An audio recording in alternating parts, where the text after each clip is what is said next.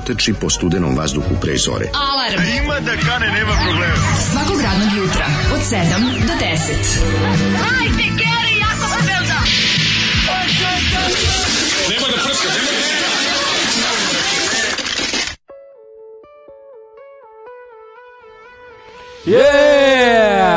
Yeah! Znaš ti Dražena Zanka? Kako neću dati Dražena Zanka? Upali smo u Zanku, klasično je. Klasičan Dražena Kako si ga našalje priznaje? Uključio si generator?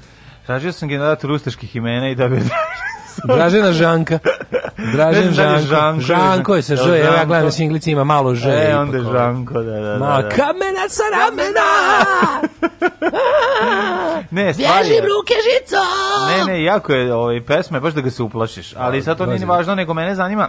U bok ti je moć biti gotovo da podne! E, pesma je da, totalne braće po materi stvar. Ali je, ovaj, ono što, što, što je zanimljivo je da je um, pesma je tako prožeta nekim Kornelije Kovačevićizmom. A, pa to je, znaš... Singlica iz 1980. singlice, ja smo vršnjaci. Aha. A ovaj, uh, iz, in, interesantno, ja bih rekao da je bio baš neki abortus Jugotonom. Međutim, zašto PGP. Za PGP, aha. aha. Da. Nije Moguće pod... da je. Meni zvuči kao, znaš, kao, mislim, to, to, to je to trla baba lan, to je to ništa. Da. Šta si, o čemu se govori u pesmi? Ovo nije o čemu, eto, tako uzmem kamene s ramena, se sad više ne, a ranije se to baš igralo, a sad se ne igra, e sad jukebox radi, jer to su dve različite stvari. Ranije su se misliš, mladi da zabavljali tako što su se rokali da kamenjem, da li je, da li je dražen, a posle se rokaju i bubama i kamenjem. Da li je uz Dražen odma čim je ovaj, zbacio okove mm -hmm. e, jugo, jugoslovenstva, uh -huh. izdao album Domoljubne pjesme 90-ih? Da li je odma to uradio? Pa, mislim... Dobro sačekao do 94. Pa ne znam da li je. Ali jeste, ne, bi, ne bi želeo da pucam ovaj, odma ovaj, prema čoveku samo zarad imena, jel tako? Ne, ne, pa naravno nemoj da jeste. cijenit, jel jeste? Pa kako nije čoveče? Pa, Dok je Hrvat uz Hrvata, priča mi je Dida pred, pred od stoljeća sedmog Barijak se vije. Pa kad nije smeo pre. Oluja da, pobjeda, da, da, Vukovar sloboda. Da, da. Ajde pustimo kamena s ramena unazad, možda on osloboditi Hrvatsku, mm. srpske hegemonije. Nije dinara sama planula. Nije sama dinara Dobar, znači, ja se baš. Šta se da, ona na dinari pa, sjaj moga braće na glavi sve kada Tako da kad se uključio generator Draženje mora ispasti. Jednostavno Dražen se morao pojaviti. Šta ja ti stvarno ne znam, što je Mislim, što je službi toliko bilo problem da hvata sve njih kad su oni po imenu i prezimenu ja, mogle provaliti? Zato što nije tako. Znači što je bilo go dovoljno, bilo je dovoljno suprotni primjera da se ne može uzeti kao pravilo. Pošto ja, uhapsiš ovog Žanka Dražina, uhapsiš Srpka Medenicu, znaš da je četnik, ne moraš ono, koji se partizan zvao Srpko Medenica? Pa dobro, to da. da. Pa, pa dobro, postoji ti previše očigledni. Da. Pa to ti kažem. Pa dobro, Srpko Medenicu su i tjeli, njega nisi ni gutili. Pa, oni su teli da... Su ga uvatili? ne, 58. Jer nije on skočio u reku iz kanjona Morače u Drinu nije. i ono i, izle, isplivao kroz Dunav do, nije, u Cleveland. Nije, nije, nije tako nije. bilo. ne, ja mislim da srpska medenica uhoćen 58. A moguće. Nešto da. poslednji četnik koji je uhoćen. The last četnik. No, ne, šalimo se, naravno. Poslednji da- četnikanac. Na, naravno da nismo o, ljudi koji cijenimo po imenom, ali nam je uvek je to zabavno. Pa kako nije smešno? Jednostavno tako volimo. Da smešno kad smo našli Dražena Žanka. Da, zna, da, da. Ti pustio pesme, rekao ja znam deo. Znam, ne, ne, kad, kad sam čuo pesmu, Žanko meni je brisan prostor u glavi odmah. Kad, si, da. kad sam čuo pesmu, rekao daj da im šta ve radio 91. radi ono što sam mislio da radi. Da, da, da. tačno, ono, tačno radio ono što sam pretpostavio. Ali, ovaj... Ali je zanimljivo, kažem ti, obrađivanje numera tekst ove pesme je nešto što je potpuno fantastično i što ovaj danas ti pevaju o kamena sa ramena zašto danas ti je to najsigurnije. Danas ti je to Nećete niko dirati. Da dobio sam. Šta si dobio? Juče od ovaj druga Darka, našeg najpoznatijeg fana na svetu. Mm -hmm. dobar, dobro, dobro dokumentarac ove, ovaj, iz Casa de Papel. Casa de Papel. Money Heist. Koji, aha. Dobio sam ovaj link za dokumentarac o jugoslovenskoj fascinaciji meksikanskim pesmama. Pa UMEX. Da, da, da. Pogledaj super UMEX. Kako neću Ove, Ja sam e, živeo to. Sad, Koliko sam imao singlova kod kuće tih. Znam, ovaj ti si stari Karovićevac. Kako ne, danas je to najsigurnije. Nego sam ti teo reći da, da ovaj, da ova pesma, Da Jeste, ova da. pesma je podelila ovaj naše slušatelje. Uh mhm. -huh. Jedni bi da ubio sebe, drugi Zolija. Kaže lep ti jebo, što tako dramatično peva o bacanju kamena s ramena. Smiri se čoveče, umrićeš u mladosti, Pa dobro. E, I ju kamena s ramena kakav transfer blama, živeo Zoli. Meni ovo, meni je ovo poznato nekako, ovo, ovo je na pjesma, je li pa tako? Ne, ne, ja ne znam dalje peo, mi nemam pojma, iskreno. Ljudi, pa ovo uopšte nije loše, kaže jedna poruka, dok druga kaže jebi se zlikovče. Pa vidi ovako, uh, moram reći da u produkcionom smislu i sviračkom pesma zaista nije loša. Mogu nešto ja mislio, ja mislio bre Blondi Call Me. Pa nije, ima svega, daleko po Blondi, ali ima neki, znaš, ono ima A kad je krenulo progresiv rock and roll, mogu je, mogu je Dado Topić da zaurla i da bude neka stvar, ono kao. Ne, ne, po Smrdina na korni grupu. A ima da. Rad korni grupe provlači se kroz zbog produkciju, teksta, kroz aranžman. Zbog teksta, najviše. Sve matori. Ma znači, ja. korni grupa smrdi jedan kroz jedan da, da. I, i u tekstu, i u aranžmanu, mm. i, u, i u ovome, osjeća i u, se, osjeća se u tekstu, u tim besmislenim tekstovima, to tu, tu osjećaš to samo tako. Tako da, ovaj, da. A, A, pre neki dan smo, sam, smo imali zanimljivu raspravu na temu kako izgledao seks pre pojave parfema. Verujem da možemo na tu temu može. Zvuci malo pegle slušaocima, da, što da, da ne, što da, da ne. Ovaj kasnije mi se gledanjem mutiska, mm. au, mhm. ali lepo Martina Či bacila vlaž ćutu, probilo do donjeg sprata. Volela je lepog, al sirotog, a i ovaj stvarno mršav, mamu jeben dobro se drži. To sve od nerviranja. Čuto od nerviranja, pa da, pa da. da, da, da. Ove, uh, pa A i na kjera se sala ne Jeste čuli za norveški band Madrugada? Ja sam čuo, nikad nisam slušao ni jednu pesmu. Nisam čuo. Da, kaže, par hitova pominjenosti, Sold, Hold on to You i Majesty. Ajde, traži, uh, e, znaš ti ja Madrugadu. Vi stalno pričate kako je stan za dan za kurvanje, a ja sam to sa sobstvenom suprugom koristio. Išli na Đoletov koncert, uzeli stan na dan jer je hotel skup. Pa dobro, Kako to, poštenja. To je skroz u redu, mislim. A može, mislim, može se kako ti kažem, ne traže ovi što iznajmljuju baš da pokaže, da pokažete da ste otišli u etilnu prostituciju. Može i sa ženom i sa djecom i sa mužem i sa prijateljima. Pa može se prespavati šta kako ima pa veze. Zez, pa ne, pa svi, pa ne bismo vi vidi jadni videli ono sveta malo da nije da nema tih stanova na danova svetskih ono. Naravno. Nismo. Ne znam možda... kako je čabrirao ovaj Airbnb koji jedno vrijeme Luko sad pretpostavljam da ga baš da ne radi baš pa mnogo. Ništa, sad je to. Znači, pa, niko da. ne priča o tome. Znači, bukvalno ono kao mm. jedno vrijeme kad počela pandemija bilo Airbnb i ostalo spasava i čupa i vadi, sad je varijanta ono kao jebiga. Tišina i ono kao u nekoj hibernaciji, znaš, pa kao svi smo se ni da Airbnb nešto ima neke troškove, mislim osim održavanja svojih Pa da, nema da, Airbnb nema pa, troškova, to je dobro. Pa, da. Kad nemaš zarade, nemaš ni ni troškova, mislim to je troškova održavanja sistema, mislim koji nešto košta, ali nije sad Ne, da- ne, ne, mislim na kompaniju Airbnb, nego mislim na na konkretno ljude koji su koji čine to, koji čine to. Dobro je što uglavnom da, imaš samo možda naći, naći drugi način da zaradiš pare, ali, ali ti da, ništa te ne košta da, da imaš, da imaš prazno, mislim kao... Pa nemaš. košta te, kako te ne košta? Košta te kirija mesečna, mislim. Pa, kirija znači. mesečna, ti to ljudi... A misliš ti ljudi koji iznajmljuju pa ih sabletuju? Pa, to je zapravo zabranjeno. Pa ne, ljudi to je koji... zapravo zabranjeno. Ti možeš može samo svoju nekretninu po zakonu u bilo kojoj zemlji. O njima govorim, govorimo da. to je to. Znači čovjek ima svoju nekretninu i koji koristi za iznajmljivanje, sad mora da pa, plati pa, sve ono što je zaradio, da režije. sad režije. Pa, pa dobro. A dobro kao, neš, nisi... A pa režira ih Spielberg. A, a režira, da. da, da. da. Ove, ovaj, E, pa kaže, e, korni grupa mu, e, korni grupa smrdi i na kamenu i na ramenu. No. Da. Ove, ovaj, uh, jeziv ben, korni grupa jeziv. Jeste, jeste. Ove, ovaj, sranje iz Hrvatske došlo u PGP, najbolje u rok, odavde otišlo u Jugoton, kao netalentovani, ovdje je bila seljana. No, da, pa. da se zaključi. Da. Ove, jutro je hladno jako, meni ide mm. su, mrznika mi idu suze iz očiju od hladnoće. Mm-hmm. To ono znači da se ne naspavao. Znači, za, zalud, zalud zadah iz usta kasirke, zalud suze moga starog daška. Bukvalno to da, je. Da, da. Da. da. Ja zaboravim, ja, znaš kad, kad si toliko kad si toliko ono samo nešto pogubljen, utučen i sjeban, te sam da kupiš mi se pije neki sok od, onaj lep sok od jabuke i zaboravio sam da kupim. Ajde. Eto šta ti, a tačno i znam što sam zaboravio, sam se zagledao na kjera. Kao pravi, znaš on pravi retos kome kjer odvuče pažnju. A dobro, ja volim to, pa ja da. volim kad im kucu, ne mogu da ga ne pogledam. A ovaj, mi ćemo da ovo jutro... Bitno je da stan nema radijator, da ne radi uludo, sve ostalo je lako. Tako je, ako je uljeni možda ga uključiš i isključiš. Slušamo drugarcu Whitney Houston, Rahmetli no, i gospode, pesmu... Gde se ovog sedi? Da, Zato se, malo se, raz, malo se razveselite uz ovo jutro, malo Slušajte, obični radi u kolima koji radio pušta ovu pesmu, majke ti. Uuu. E, da si meni živi za ovo, nećeš čuti ni ovo, na jednom novom. Ovo jako puštaju. Ne. Ja puštaju čovječe. Ma kakvi. Pa kažem ti da da. Ma kakvi.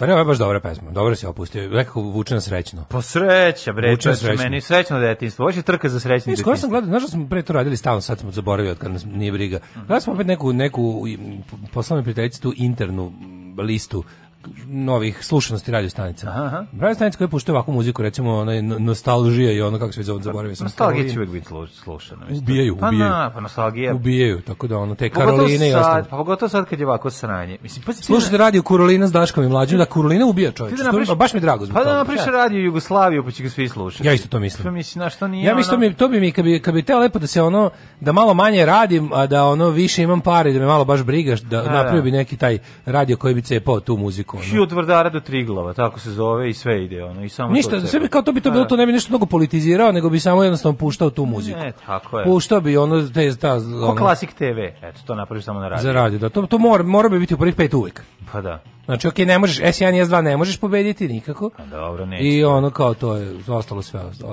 ostalo. ostalo bi razvalio, pa ne. Ja sam bio ubiđen da opeva Cindy Loper. Svaki dan se nešto novo nauči šta ti je život. Eto. Lepa pesma za usrano jutro. Jeste. Lepa je ovaj, i Cindy je super, mislim. Ono... To je sreća, prska te curi, razliva ti se po celom licu. Jeste. Ove, ovaj, kao, eh. kada, kao kad Jovana sanja, Jovana sa Happy sanja Vasilija Ostraškog.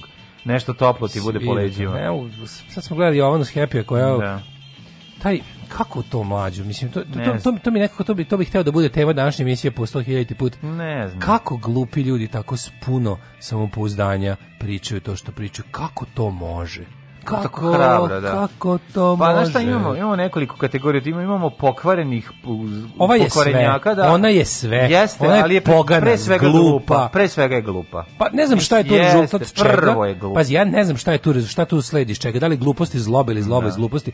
Kod nje je to koncentracija. To znači, je na, može se kao kako hoće njene, njene, njene zlobe ono. Pre svega je to, ali iza toga je i neka ozbiljna no pa ima posla za, za psihologa, ona za psihijatra, mislim, nije to, to da imaš, ono, neka šifra bi se tu grunula, žešća, ali je strašno zato što, znaš kao, toliko je medija da, da jednostavno jeziva je prisutnost svih ljudi sve vreme u svim medijima. Mislim, to jednostavno nije normalno. Znaš, kao ne postoji više nikakav filter. I to je ono što mene, ovaj, što me plaši, znaš. Ti, ti znaš Miljana Kulić je ono bila progoniteljka pa postala ono zvezda u reality show. Znaš, to koliko se u savremenoj ljudi... našoj zemlji nagrađuje naopakost zloba, da, da. Eh, nenormalno ljud, ne, nenormalno socijalno ponašanje, to bukvalno ne postoji. Ovde se ovde možeš ne znam, ništa, da, ovde možeš da staviš, pa ne, da ono kao, da poznat možeš da staviš bukvalno pravilo kao tipa ni jedno dobro delo ovde ne prolazi nekažnjeno A. i ni jedno napako delo ovde ne prolazi ono nenagrađeno. A, da.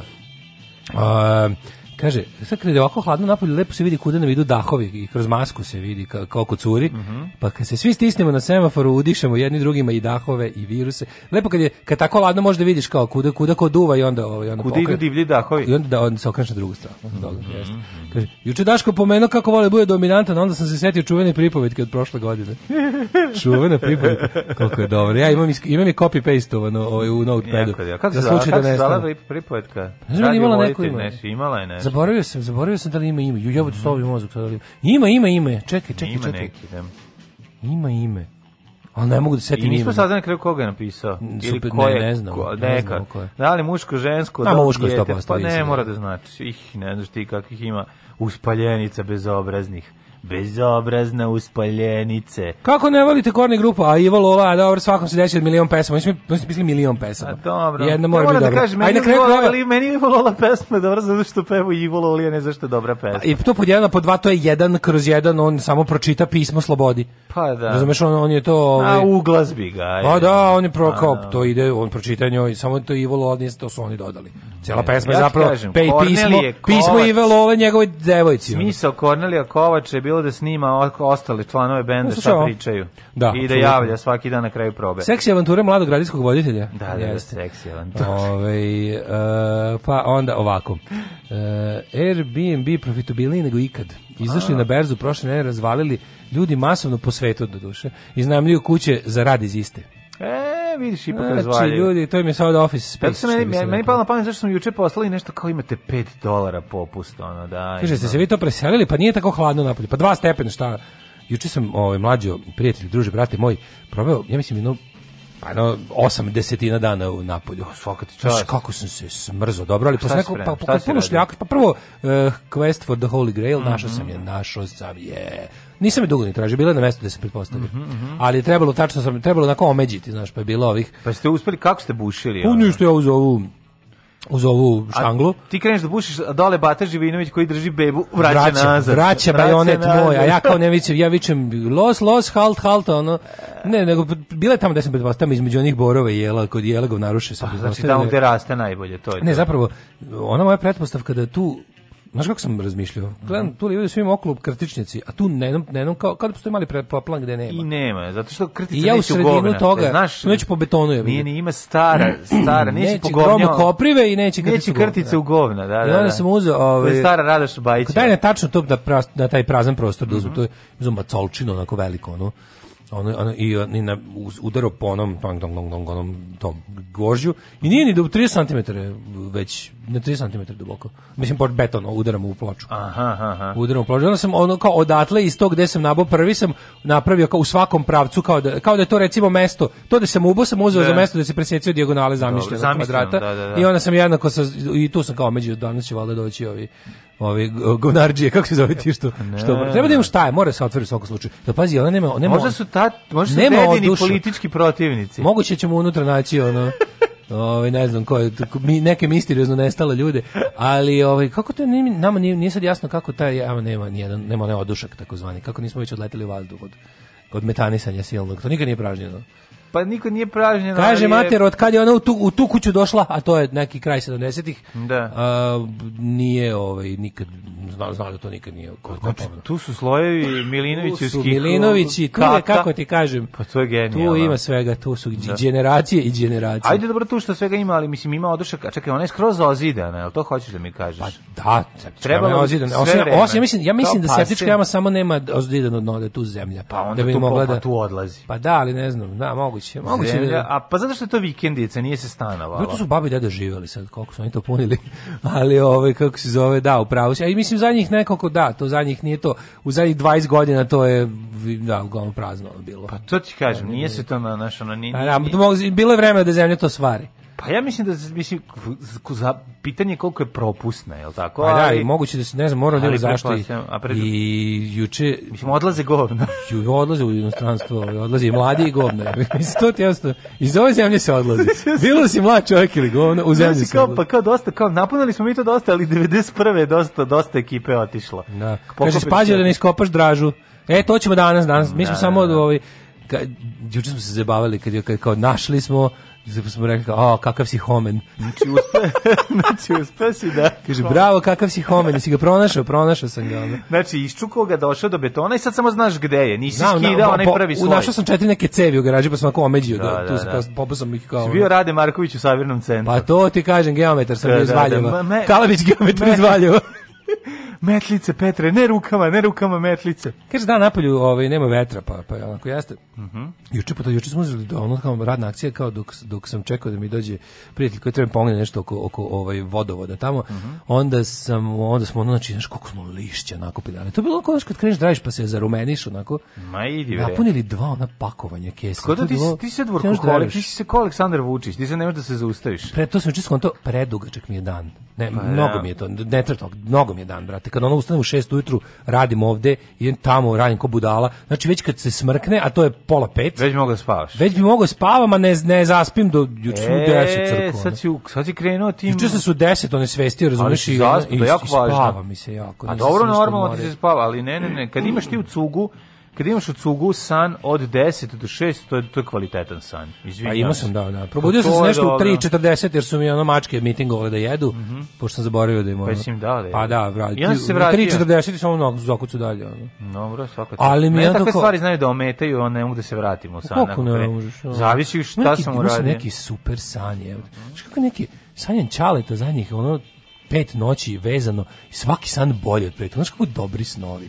Ovo mi je bio, sad je neki poslednji krug u momci snove, onako, čale, kao, Kešimo se kao, ne, kao, čaleta, slušaj, u jednom, u jednom, u jednom kao, čaleta napala banda koju predvodi D.J. Vučićević i kao dolazi Čale sa masnicom na oko i mi kao šta je bilo i kao jebaće mi kao mater i Čale zove neke svoje likove i kao ja s njima i sve ti ja nisam ja idem s matorcima da kao bijemo ove a ovi svi matorci luđi od me ja kao tu kao najveća pička u celoj ekipi pa kao ovi da. neki svi kao ludi znaš ja kao pa nemojte pa ne kao pa ne možemo tako šta bre ne možemo nemojte zvati ludaki s televizije na sad ne a sve neki nisu stelili sve, sve tako neki matorci u kožnim jaknama kao neki statisti i soprano se kao idemo da bijemo Dragana Vučićevića i njegovu bandu a sve tako nekako onako, ko loši film iz 80-ih, razumeš? Dobro je to. A mora, ne znam, sve verovatno, nešto, da ti se u taj san verovatno ubocivali nešto sa Slavinom ili šta se dešavalo. Pa uvek dana. ima nešto, da, sve kao, mora. ne, ali tu ne, najluđe je... Na kraju ubacimo u septičku jamu koju smo jedva pronašli. Filmovi su kombinacije posljednjih krug i, i, i surova pravda. Ovo je surovi ugovor. Surovi ugovor, iši. Kao mi idemo, ali ti kao neki, kao, ko su, ja kao čale, ko ste vi prijatelji, kao, to smo i drugari iz detinjstva, kao, pa gde su ovi bili, kao, kao ne družim se ja baš njima, kao, pa vidim i zašto, on su neki ludaci, mater, da, da, da. koji imaju neke Znaš, kao nosi neki nešto ispod tih koženjak, neke pištolje, penje, Almatori, razumeš, neki matorci, onako kao Ja Ja nešto sve tako milo, znaš, kao kad, jedno i tako žao kad se provodim što nisam dosanjao, što, što nisam vidio kraj, znaš.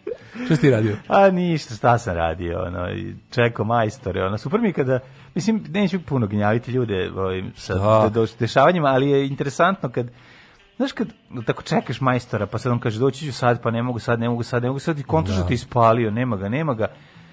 Stižem, on kaže, stižem pre dva sata, nema ništa. A bi će ja legli on. No, nego nema ništa, okej, okay, okej. I zove on posle dva sata i ja rekao, okej, okay, kaže on, e, pa sve sam završio. A on bio i radio? On sve bio, otišao i radio i pokupio se. Ja sam išao dole, da to. I kaže, e, dolaze neki cigani, ne znam da li da im dam viče Communication majster. breakdown. Ja rekao dajem šta god hoćeš, može, rekao dajem. Ej, morate kaže nešto, to kad ti mi tjeraš te tvoje majstore, to nisu bosanci kao što ljudi misle, to, to da. je najviše liči na Knin. Pa nisu sve to bosanci. kako ti miksi. to tako kad kažeš, ja, to je najviše liči. Znaš šta to ide. No, da, no. Da. Znaš ti kad meni dođe Gari koji radi struju, koji se zove Hans i ti kontaš da uzeću Hansa to će sigurno biti dobro. A Hans, Hans Busanac. Hans, znaš, ono. pa to ti kažem, da. naša ono... Šta ti mislio da Hans je pa ono... Pa mislio sam neki nemački, ono, da Krigerov. Deutscher ostao ovde. Ono. Yes, da. Tako da nije ni važno, bitno da dobro rade. Ljudi dobro rade, vrednost su. Juče, juče sam imao bolju scenu moguću koju može čovjek ima u stanu. Istovremeno, e, postavlja se, ovaj, po, po, polažu cevi ljudi vodovodđije, istovremeno ljudi stavljaju sve prozore i, i čovjek izba, izbija štokove, treći. Znači, U, da. znači, znaš kakva je bila paduljci zemlje čudesa. Matri, to je baš... Znaš kakva je bila scena? Kao onim, kako se zovu oni to mali? To može uopšte. Ono, kako se e, zovu u, u, kod one smetljerke, u, u onim, kako se zove? din, din, din, din, na, na, na, Fraggle Rock. Na, Fraggle Rock. e, u Fraggle da, da. Rocku, kad oni, klin, oni mali bra, da, šta rade, šta prave, oni fraglići. Da, fraglići. Fraglići, šta rade, oni prave. Fraglići. Nisu frakli, fraglići. Fraglići su... Frakl rock, da, frakli, Fraglići su oni čupavi, one da. lutke, a da. one, one njih, oni imaju neke male ljude koji prave a, nešto i jedu. Mi, mi, ti ljudi prave nešto od plastike da. i oni to ih klopaju, da, a da. vraglići to jedu. Da, to je da. ono, oni samo prave neke konstrukcije. E, ovako izgledalo tako, znači, oni su pravili konstrukcije, unutra bilo tako, pa sad, vidiš da su majstori bili srećni. Kao nikad ovako nije bilo, kao, ko neka, ozbiljna radna akcija jeste, jeste, iz, dobro je to, iz 70-ih. Da. Kao da, neko preduzeće. znači, kao Neymar u svojim najboljim danima. Ne Dabrovi sa onim medvedom, što je bio crtač kad su bili mali. E, tako su bili. Ovi Zvižde i rade. Jedni glođu, ove, ragasto skidaju, drugi nameštaju prozore. Tako da je ovaj jučerašnji dan možeš mogu ti reći da je bio novi. Kako ovaj, mečeš eh, ovo da stolari, PVC ili sad PVC sve? Pa, da? gde je WC stolarija? Gde je WC stolarija? to pitaju majstori kad uđu. Gde je WC stolarija? To mečeš, a? Ne znam, znaš kako su dobra stakla. Uzeo sam a, najbolja stakla a, na da. svetu. Bifokalna. Oj ovaj mi rekao, oj ovaj mi rekao, pa da kad gledaš gore možeš da vidiš blizu. No. Možeš gledaš komšinicu golu bolje. Bolje, pa da, pa da. da. Ovaj odlična su stakla neka što imaju ne znam, 4, ne 6, ne znam čega, ono. Znači kad prolazi Dobro izopan staklo kašti meni, izopač ne može da se ovaj kako se ne ne prolazi nikakav sound, znači brutalno radi ja. i i a, a lepo izgledaju kao ne polaroid naočare. Pa znaš kad gledaš kroz njih, ono, baš je, Kako baš će volim, biti super. Uvijek ti ja pričam o čime se oduševljavam, tačno se vidi pa smo nemači. Nema veze, meni to lepo. Ja lepo su stakla. Ko ja, ja, ja, isti, ja sve što... A ko stavlja prozor? Mlađ, bre, i... čekaj mi proradio protoču bodraž, koja sreća, je, koja sam guzio. Jesi pa uspio da se okljeti? Da, izvodio sam onaj, bre, ovaj um, sito, koje je pa zapravo pa, napravljeno sito, za, za normalne, znaš, da. kao to je pravljeno za normalne zemlje, da, iako, je, da. iako je made in kraljevo. Radi ko zmaj bre, čoveče. Pa nego šta je? Slušali ste e, Daška i Mlađu u svom programu Uradi se sam u 7 i 28. Tomorrow I was a little bit tired because uh, we have a very long trip, but now I'm fantastic. Alarm sa mlađom i Daškom.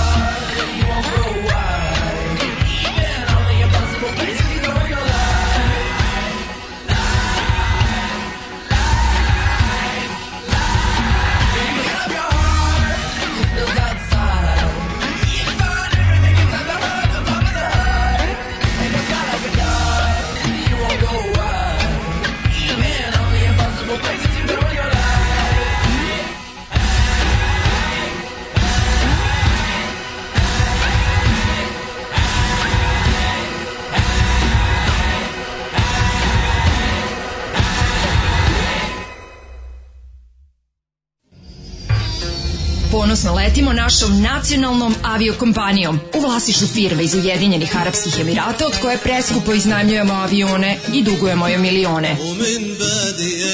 Preskupe karte, low cost usluga, izgubljeni prtljak i najgori tretman putnika. Air Srbija. Air Srbija. Nebeska pljačka. Nebeska pljačka.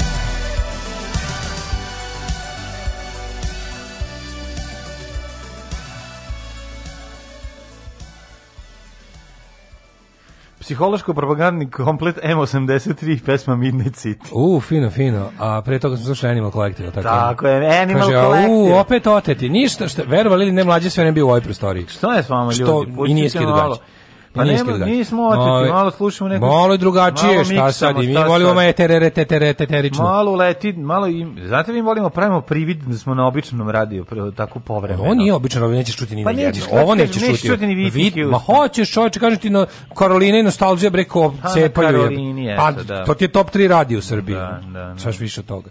Da. Ove, ovaj, tri put sam proveravao interfon od ove pesme, čini mi se da sve nešto zvoni. Da, ima te pozda, puno pozdavinskih zvukova. Ima, ima. To mi se sad dešava. Ove... Ovaj- Najhipsterski Srpski bend 21. veka. telefon. Animal Collective. Mm -hmm. Ove, kaže, sutra kada krenete segment o kućnim radovima, da se pusti, a je to kao pozadinska muzika, da bismo imali kompletan ugođaj. Može. E, dobar, Van Kom za špicu uradi se, uradi se sam ili manje kućne radinosti veselih Garijevaca. Mm -hmm. Ove, e, kaže, da si sanju bandu tehnička ekipa RTNS. E, mađo, izgleda pikseta, novi selektor. Može li se sa stručne strane da padne neki ekspoze? Pa ja mogu da kažem da najviše volim e, Crvenu zvezdu i Pixija. Brate, najviše volim Vošu i Pixija, to sam te da vam kažem. Ne znam šta da ga, u, u, u to ime nemam nikakav komentar, mogu samo da kažem da ukoliko Pixi prenese samo delić svojeg iskustva i znanja na naše plave, plave, nek šta skoči naši orlovi, orlovi, orlovi e, možda Kako će i oni za orlove, da, zabole me, ali ona, eto, možda će i oni u svom gnezdu uspjeti da snesu neko jaje. To su orleći to, to, to što će da da snesu da jaje pobede. Misliš Orlići? Oj, Slobodani. Pa dobro, Slobodani. Slobodani eto, i ovi, kako da. mislim da je... Kako zove drugi ako, Orlić? Mislim, Pixi je sigurno ovaj, i više, i više visoko kvalifikovan i više nego kvalifikovan za sve to. Bože, kako zove neko nam, Orlić? Neko nam donese malo svoje japanske smirenosti koje je u Nagoji ovaj, pokupio i neka to prinese i neka ovaj, svoje veliko srce koje je ostavio na terenu zajedno sa listovima mm. i drugim delovima mm -hmm. nogu ovaj, prinese našoj fudbalskoj momčadi mislim da u narednih 400 godina možemo očekivati kvalifikovanje na neko od većih svetskih prvenstva. A ja ti na sve dodajem, lepo se družio s Vučićem, baš lepo. To je potom montaža. ja, mi, mi pi, piksi, sve, eh, branioci Piksijevih poslednjih dana Ovaj da, da, da. ne, ne dozvoljavamo Kako vam je teško? Ne? Da. Da. Fotomontaža nikada nije bio sa Vučićem. Prave, prave se table Marićevića, Jaruga, Jevića, Vojće, Milinovića, Govna. Da. znači budu tablediće, da, da, da, da. okupljanja. Da. Ovaj priča je da Pixiju trebaju pare. Malo mi to nerealno. Hmm, pa zato slika saradnja i slika sa onim kojim se imen izgovara. He who cannot be named. Vidi ovako da vam kažem. To je fotomontaža. Nije valjda da je Pixeta ovaj, ostao bez lova. Ali Pixiju trebaju pare. Šta to znači? Kako nije čovjek bre, Kao, zato to ta priča čovjek bre dobro mu ide ima ima fudbalsku penziju nenormalnu zaradio kao trener, kao igrač, kao sve živo. Ne, Kaže kupuje umetnička dela savremene umetnosti. Pa da, a zbog zato mu trebaju pare. A i Navoko se. Kaže ovaj navuče se čovjek pa kako ne. Kaže hoću Henrya Mura sve da kupim. Zvao sam ga juče baš sam pričao s Pixijem, rekao je, ovaj i teo sam da pita da zanima ga. Šta se slikaš s Vučićem? Ne, Šta zanima kaže? ga, zanim pa verovatno je prošao, bili su zajedno u istom lokalu. Isto što zašto i Danilo sedi s Radovcima. Moguće. Jednostavno slučajno. Da. Ove, ovaj, ne, nego sam baš izvao me Pixi juče kaže imaš možda od Seje onu sliku ovaj mačka koja sedi na A šta se počeo hipsteriše kad je ove proverene umetnike pročešljao? Pa zna onda ja otkupljujem ovaj dela manje poznatih, nikad poznatih. Manje poznatih i još manje talentovanih. Naravno, ali ne mi to razdvajati. Jedino tako mogu da postignem, da postignem vrtoglavu cenu od 500 dinara da. ove, ovaj, za ulje na platnu.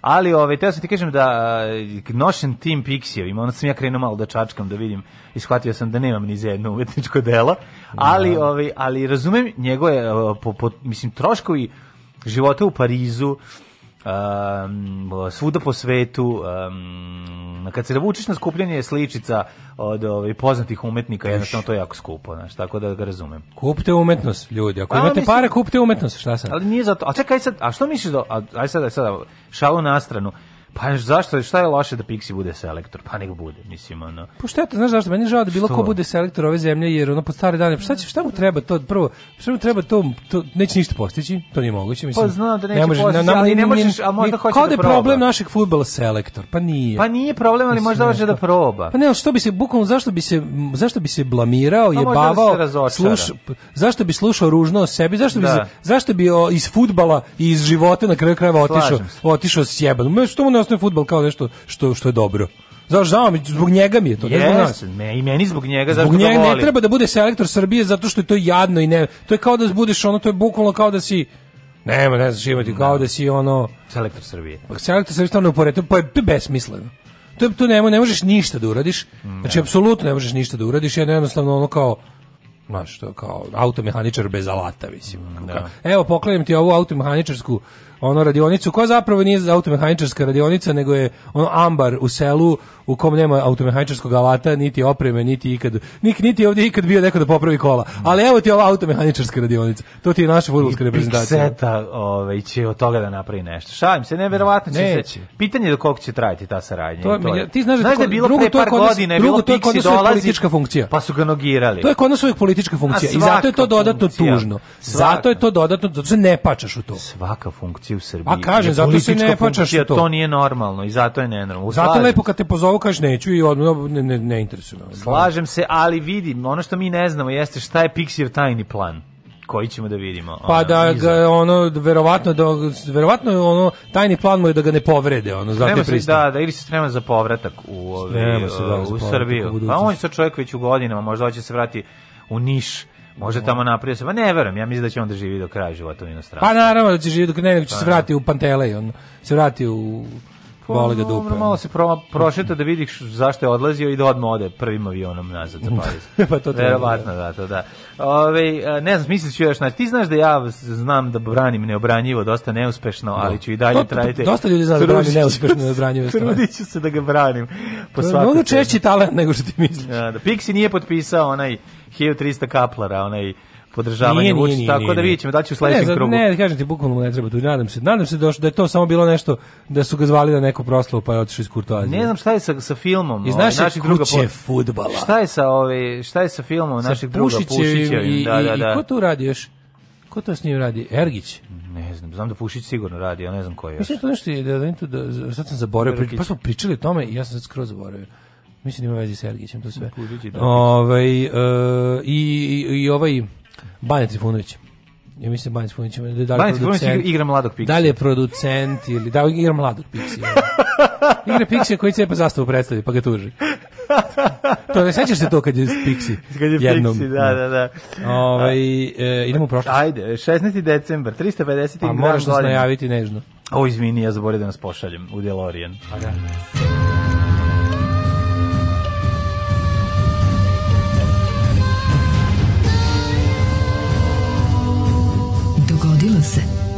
današnji dan.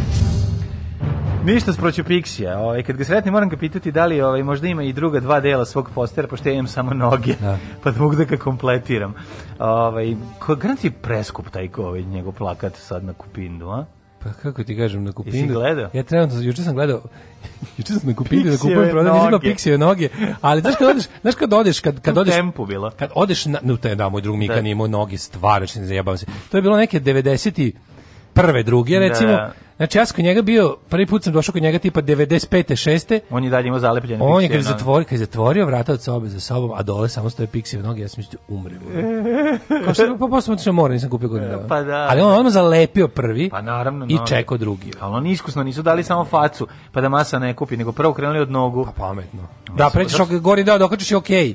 Pa da. Ali no, ne, ovaj okačio noge. Ali zašto? Noge. Zato što sve kreće od nogu, nije baba bez veze rekla. Strava. Da, da, da. Uglavnom, ovaj, kad odeš na kupinu ili na da kupinu prodaju. Znaš, kao prvo kad odeš, uvijek ti se otvori random 10 oglasa da, da, nekih, da, da. pre nego što ti ugucaš šta da, tražiš. Pa tu uvijek bude nešto potpuno genijalno. Znaš, da, kao, e, kad lik prodaje neke gluposti i ispadne da bude taj, ta, taj feature do oglasa. kako ja, kako ja smišljam šta Dragan Torbica s čime dolazi unutra, otvorim Samo bez veze oglase, regnom i ono stoji, ne znam, ono, ratkapna za ne znam šta, ili ono, nekih budu potpuno budalaštine. Mislim meni je bilo kad sam otvorio prvo. Šta? Rezervni ekran za za neku Nokia od pre 20 godina. Znači, a znaš kakve pa gluposti. To svakom treba, znaš. Je prosto delovi koje nema nema teorije da prepostiš da mogu da postoje i da A to da kad da, izađe kao feature Douglas ono umreš od smeha. Mm -hmm. Traži neku lepu podnu lampu, pa sam mm -hmm. zato. Ove, 16. decembar. Da. 350. dan godine. Do kraja godine imamo još 15 dana, pa sam teo da te pitam. Aha. Gde ćeš za najluđu noć? Pa u Gradinu. E, u Gradinu. Da, a u da, koju da, Gradinu? Poznam Gradinare. A u, pa u Gradinu, gradinu više od igre. U više od igre. Da, pa, izmišljena Gradina. To, izmišljena Gradina, pa kao i u Moravski Karlovci. Moravski Karlovci. Za Moravski ne, Karlovci bi trebao neko da odgovara. Ovi, to je šotra, šotra sve vreme izmišlja, sve stalno. stalno Nije to šotra, mislim, to je u toj glupoj knjizi, ja mislim da je tako napisano. I u knjizi, pa onda je nastavio, a, pa da, da zadojen time da izmišlja ono i Moravski da, pa, Mislim da se držao knjige, te smrtljive, da, da. koje svi vole. Ove, 16. 12. je, danas je dan holokausta na Romima, mm -hmm. i ovaj dan državnosti Bangladeša kao i Kazahstan. E, događaj na dan. Počinju 1497. Izvolite kolega. Kada je Vasco de Gišin pronašao uh, ušće velike riblje reke i krenuo u dotad evropljanima nepoznate vode. Mm -hmm, što će mhm. reći, otišu, otisnu se dalje od ono otišao tamo u Atlantski okean, tako, od Furo, on je tamo krenuo prvo. Ne, ne, čekaj, čekaj, čekaj, Vasco de Gama. Da, kude on krenuo? Vasco on krenuo od, od Gibraltara ka, na, na zapad. Ne, Vasco de Gama je krenuo... Je krenuo oko Afrike. Oko Afrike, da. Oko, da, da. Oko Afrike išao prema, prema da. Indiji, tu, da. Da, da, da. dobro, ako se dobro sećam. 1653. 1598. Korejska mornarica admirala Yi Shina porazila japansku flotu u bici kod Norijanskom mureuzu. Znači, to se slabo kod nas ovaj, priča o tome, a ta znači, bitka Komunistička je bila istorija je to prećutkivala. Jeste, jeste, jeste. Streljali su svako ko bi o tome ko pričao. Ko bi, ja se sećam, moj dede je pokušao, međutim, mm -hmm, nije, mm -hmm. broz nije dao. 1653. Mm -hmm. Vođa engleskih parlamentarista u građanskom ratu protiv monarhista, Oliver Cromwell, mm -hmm. proglašen je dozivotnim lordom protektorom engleske, škotske, irske, kad smo kod Olivera Cromwella, umro sam od smeha. Lord protector of England. Mm -hmm. Oliver, September. 16th September. 16 80, 84, 80, 20. Kako ispravi ono to? to su Monty Python, Oliver Cromwell song. Oliver Cromwell song, da. Ali je fora što ovaj je Bon Jovi izdao. Si vidio je Bon Jovi što objavio? Da, izdao za državu. Fairy Tale of New York svoju verziju. Znači, ima ono hiljadu lajkova i 30 miliona hiljada dislajkova. Kako mi ga žao, je. Kako mi žovi, baš mi ga žovi. Baš bon žovi, ali najsmešnije što sam, kad sam zašto komentar koji sam ja pročitao bio, kaže, ovako, ovako je posljednji put neko primircio, posljednji put koji je bio ovako surov primircio bio Oliver Cromwell, pa mi zato čekaj, čekaj, ja se komentari. Ja se On je objavio obradu svoju. Ma pa znam, nego me zanima kako je moguće da ima, da ima toliko dislajkova i tako malo lajkova. Ne znam, to mi potpuno nisam nevjerojatno. Svaka znači da čast. Baš đubre ono. Neko je plaćao. Slušaj, i onda su ga svi tako pljuli. Komentari su jako smešni, da, da, da, dobro. Pitam, je li ima farma dislajkova? Pa i ti ih pratiš, šta hoćeš možda? Oni može dislike? Aha, oni klikću, rekao, pa mora posebno dislike. Ali je jako slatko, pošto, pošto ga svi, ono, baš su ga svi skakali u glavi, onda ova blesava supruga, mislim, blesava, ova supruga Shane Megona, znači biti supruga Shane Megona, snimila Shane koji, koji daje punu podršku, Bon Jovi sviđa mu se. On je rekao da je dobro. Da. Svi su ga napljivali, ali autor pesme rekao da je baš dobro. da, ovaj njihov, Boraz Đorđević. Da, pot, i, i sad izašao dokumentarac sa Shaneom, ovaj ima... Eko toj pesmi. Ne, znači dokumentarac sa Shaneu. Aha, I, ima, ima titlove, ima titlove, pa, pa kako neće, ono majka ga ne razume, pa, da. rođena. 1773. nezadovoljna visokim uvoznim carinama mm. i mhm. britanskom kolonijalnom vlašću, grupa kolonista maskirano indijance naravno podvale, u mhm. bostonskoj luci sa jednog britanskog broda u more pobacala sanduke čaja, takozvani mm -hmm. Boston Tea Party. Bostonska čajvala, čajvala, čajvala. U Masačutu nagovestilo je početak američkog rata za nezavisnost. Tako je, znaš kako su bezobrazni bili Britanci, znači to je bilo, no. znači to su, ko, šta, ta uvozna roba, to ne možeš da veruješ, znači taj hiljadom administrativni prelaz. Hiljadom utvorića. Zatvorili su taj administrativni prelaz i jako su puno eh, digli carine na robu, 100%, znači ti, al, ti Albanci, Indijanci, Tako da ovaj su onda morali da, da morala da krene borba za nezavisnost, odnosno neizvesnost. Veliki požar u Njujorku 1835. uništeno 600 građevina. Mhm. Mm 1838. Bosanci ostali bez posla. 1838. Buri se e, Tokom velike seobe su kobili s plemenom Zulu u bici na krvovoj reci e, pobili 3000 pripadnika tog plemena. Ko je divljak tu? 1866. u Zagrebu otkriven spomenik Banu Josipu Jalačiću, to je ovaj na, centralni spomenik na trgu u Zagrebu, mm -hmm. koji je prvi zagrebački spomenik u Bronci.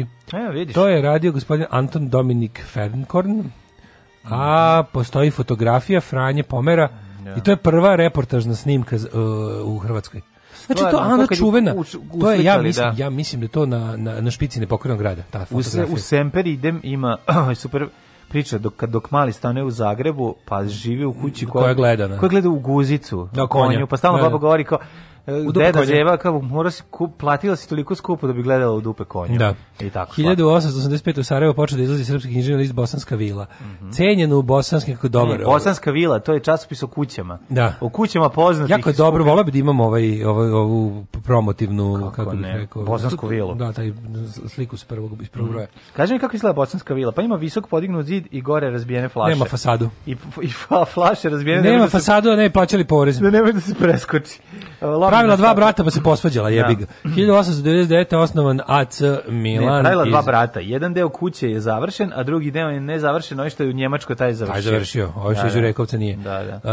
Um, osnovan AC Milan iz Milana. E, 1899. Jeste, znači Torino, je li tako, iz Milana? Čuveni Torino, Torino osnovan je u... E, e, a, a, AC Milan iz Torina osnovan je u, e, AC, uh, u Napoliju 1899. AC Automoto Club. To pa mislim da znači asocijacione kalčo. Bravo, tako, AC, pa bravo. AC, mislim. Kao nudbalski klub. Kao nudbalski klub. Kao NK, da, da, je li tako? Da. E, uh, 1916. je ubijen ruski monah i pust, pustolov i mistik mhm. Grigori Raspućin. E, Grigori Raspućin, ubiš, kako je to, to, to toliko, znači, to ubistvo je toliko Koliko je taj fascinantno. skiptar imao, čoveče? A što bio obdaren u materinu. Pa to je, na to Mislim, zato je bio, na to je išao. Po, pa i, da. I te ureokljivo. Ubila ga grupa oficira da spase ugled da. monarhije. Da, Nakon da, što im je ovo ovaj izbušio monarhiju penisom levo i desno. Jo, znači, taj ne može znači, da veriš. Ono, taj išao ovaj, od doma ras, do doma. Raspućio ih. I kucao. Raspući ne raspući usnice. Kao lepo vaspitan jelen. Dobar da, dan. Dobar dan. Samo se pojavi. Samo se pojavi, dobar dan. Te, te, te, te, ove što su ostale neke ono kao fotografije njega, mm -hmm. kakav je brej baš jezivi pop je. Odvratan je. Odvratne duguljascav. Da, kurat u kurat čudovište. čudovište. Da, nego znaš ga... Ali navodni njegov, ono nje... Prvo su ga trovali njegov... kolačima, da. a taj neki ono... A e, ja ne znam šta je to sad. Ne, njega su ubijali u nastaci, njega su, njega ne, nisu ubili, da njega su ubijali. Šta je to su, su, u slovenskom... Kurca. Nestru, ne, u slovenskom nestručnom ono ubivanju ko, ne u, ne, u nestručnom um, u nestručnoj upotrebi ovih otrova znači ne znam ono kad je kad su Nedeljko Čabrinović da. i ovaj bacili bombe i frnjulni i pucali, pa ovaj krenuo da, da, da, otvori, da popije, ono ništa toga nije bilo ispravno. Pa Ovi što to je, su mu da, potrovali... to je namerno govnar dao takav rapis. To napis namjerno tako napravio. Pa da, im je da, dao? neispravno sve. To da ostanu živi, šta? Pa nemam pojma, valjda mu trebalo Zašto bi im dao neispravno? Trebalo mu nešto, trebalo mu za neku njegovu propagandu. Ono. Ma ne verujem. Trebali mu i mučenici, trebali mu i sve. Ko To zna, ko to zna šta je bilo? Kako im đubri dao? Pa znači što bi mu trebali živi mučenici, zato ti kažem. Pa bolje kad pa, da stradaju. suđenja, da na suđenju mogu da govore ono političke poruke da ispaljaju i tako to. Ma ne znam. Ma ima to sve. Da, što im dao bre đubre od oružja, da mi pištolj, neispravne pištolje im je dao. Ono. Pa ne znam sve im je dao sranje. Neispravni, ali znam da je otrov bio neispravan.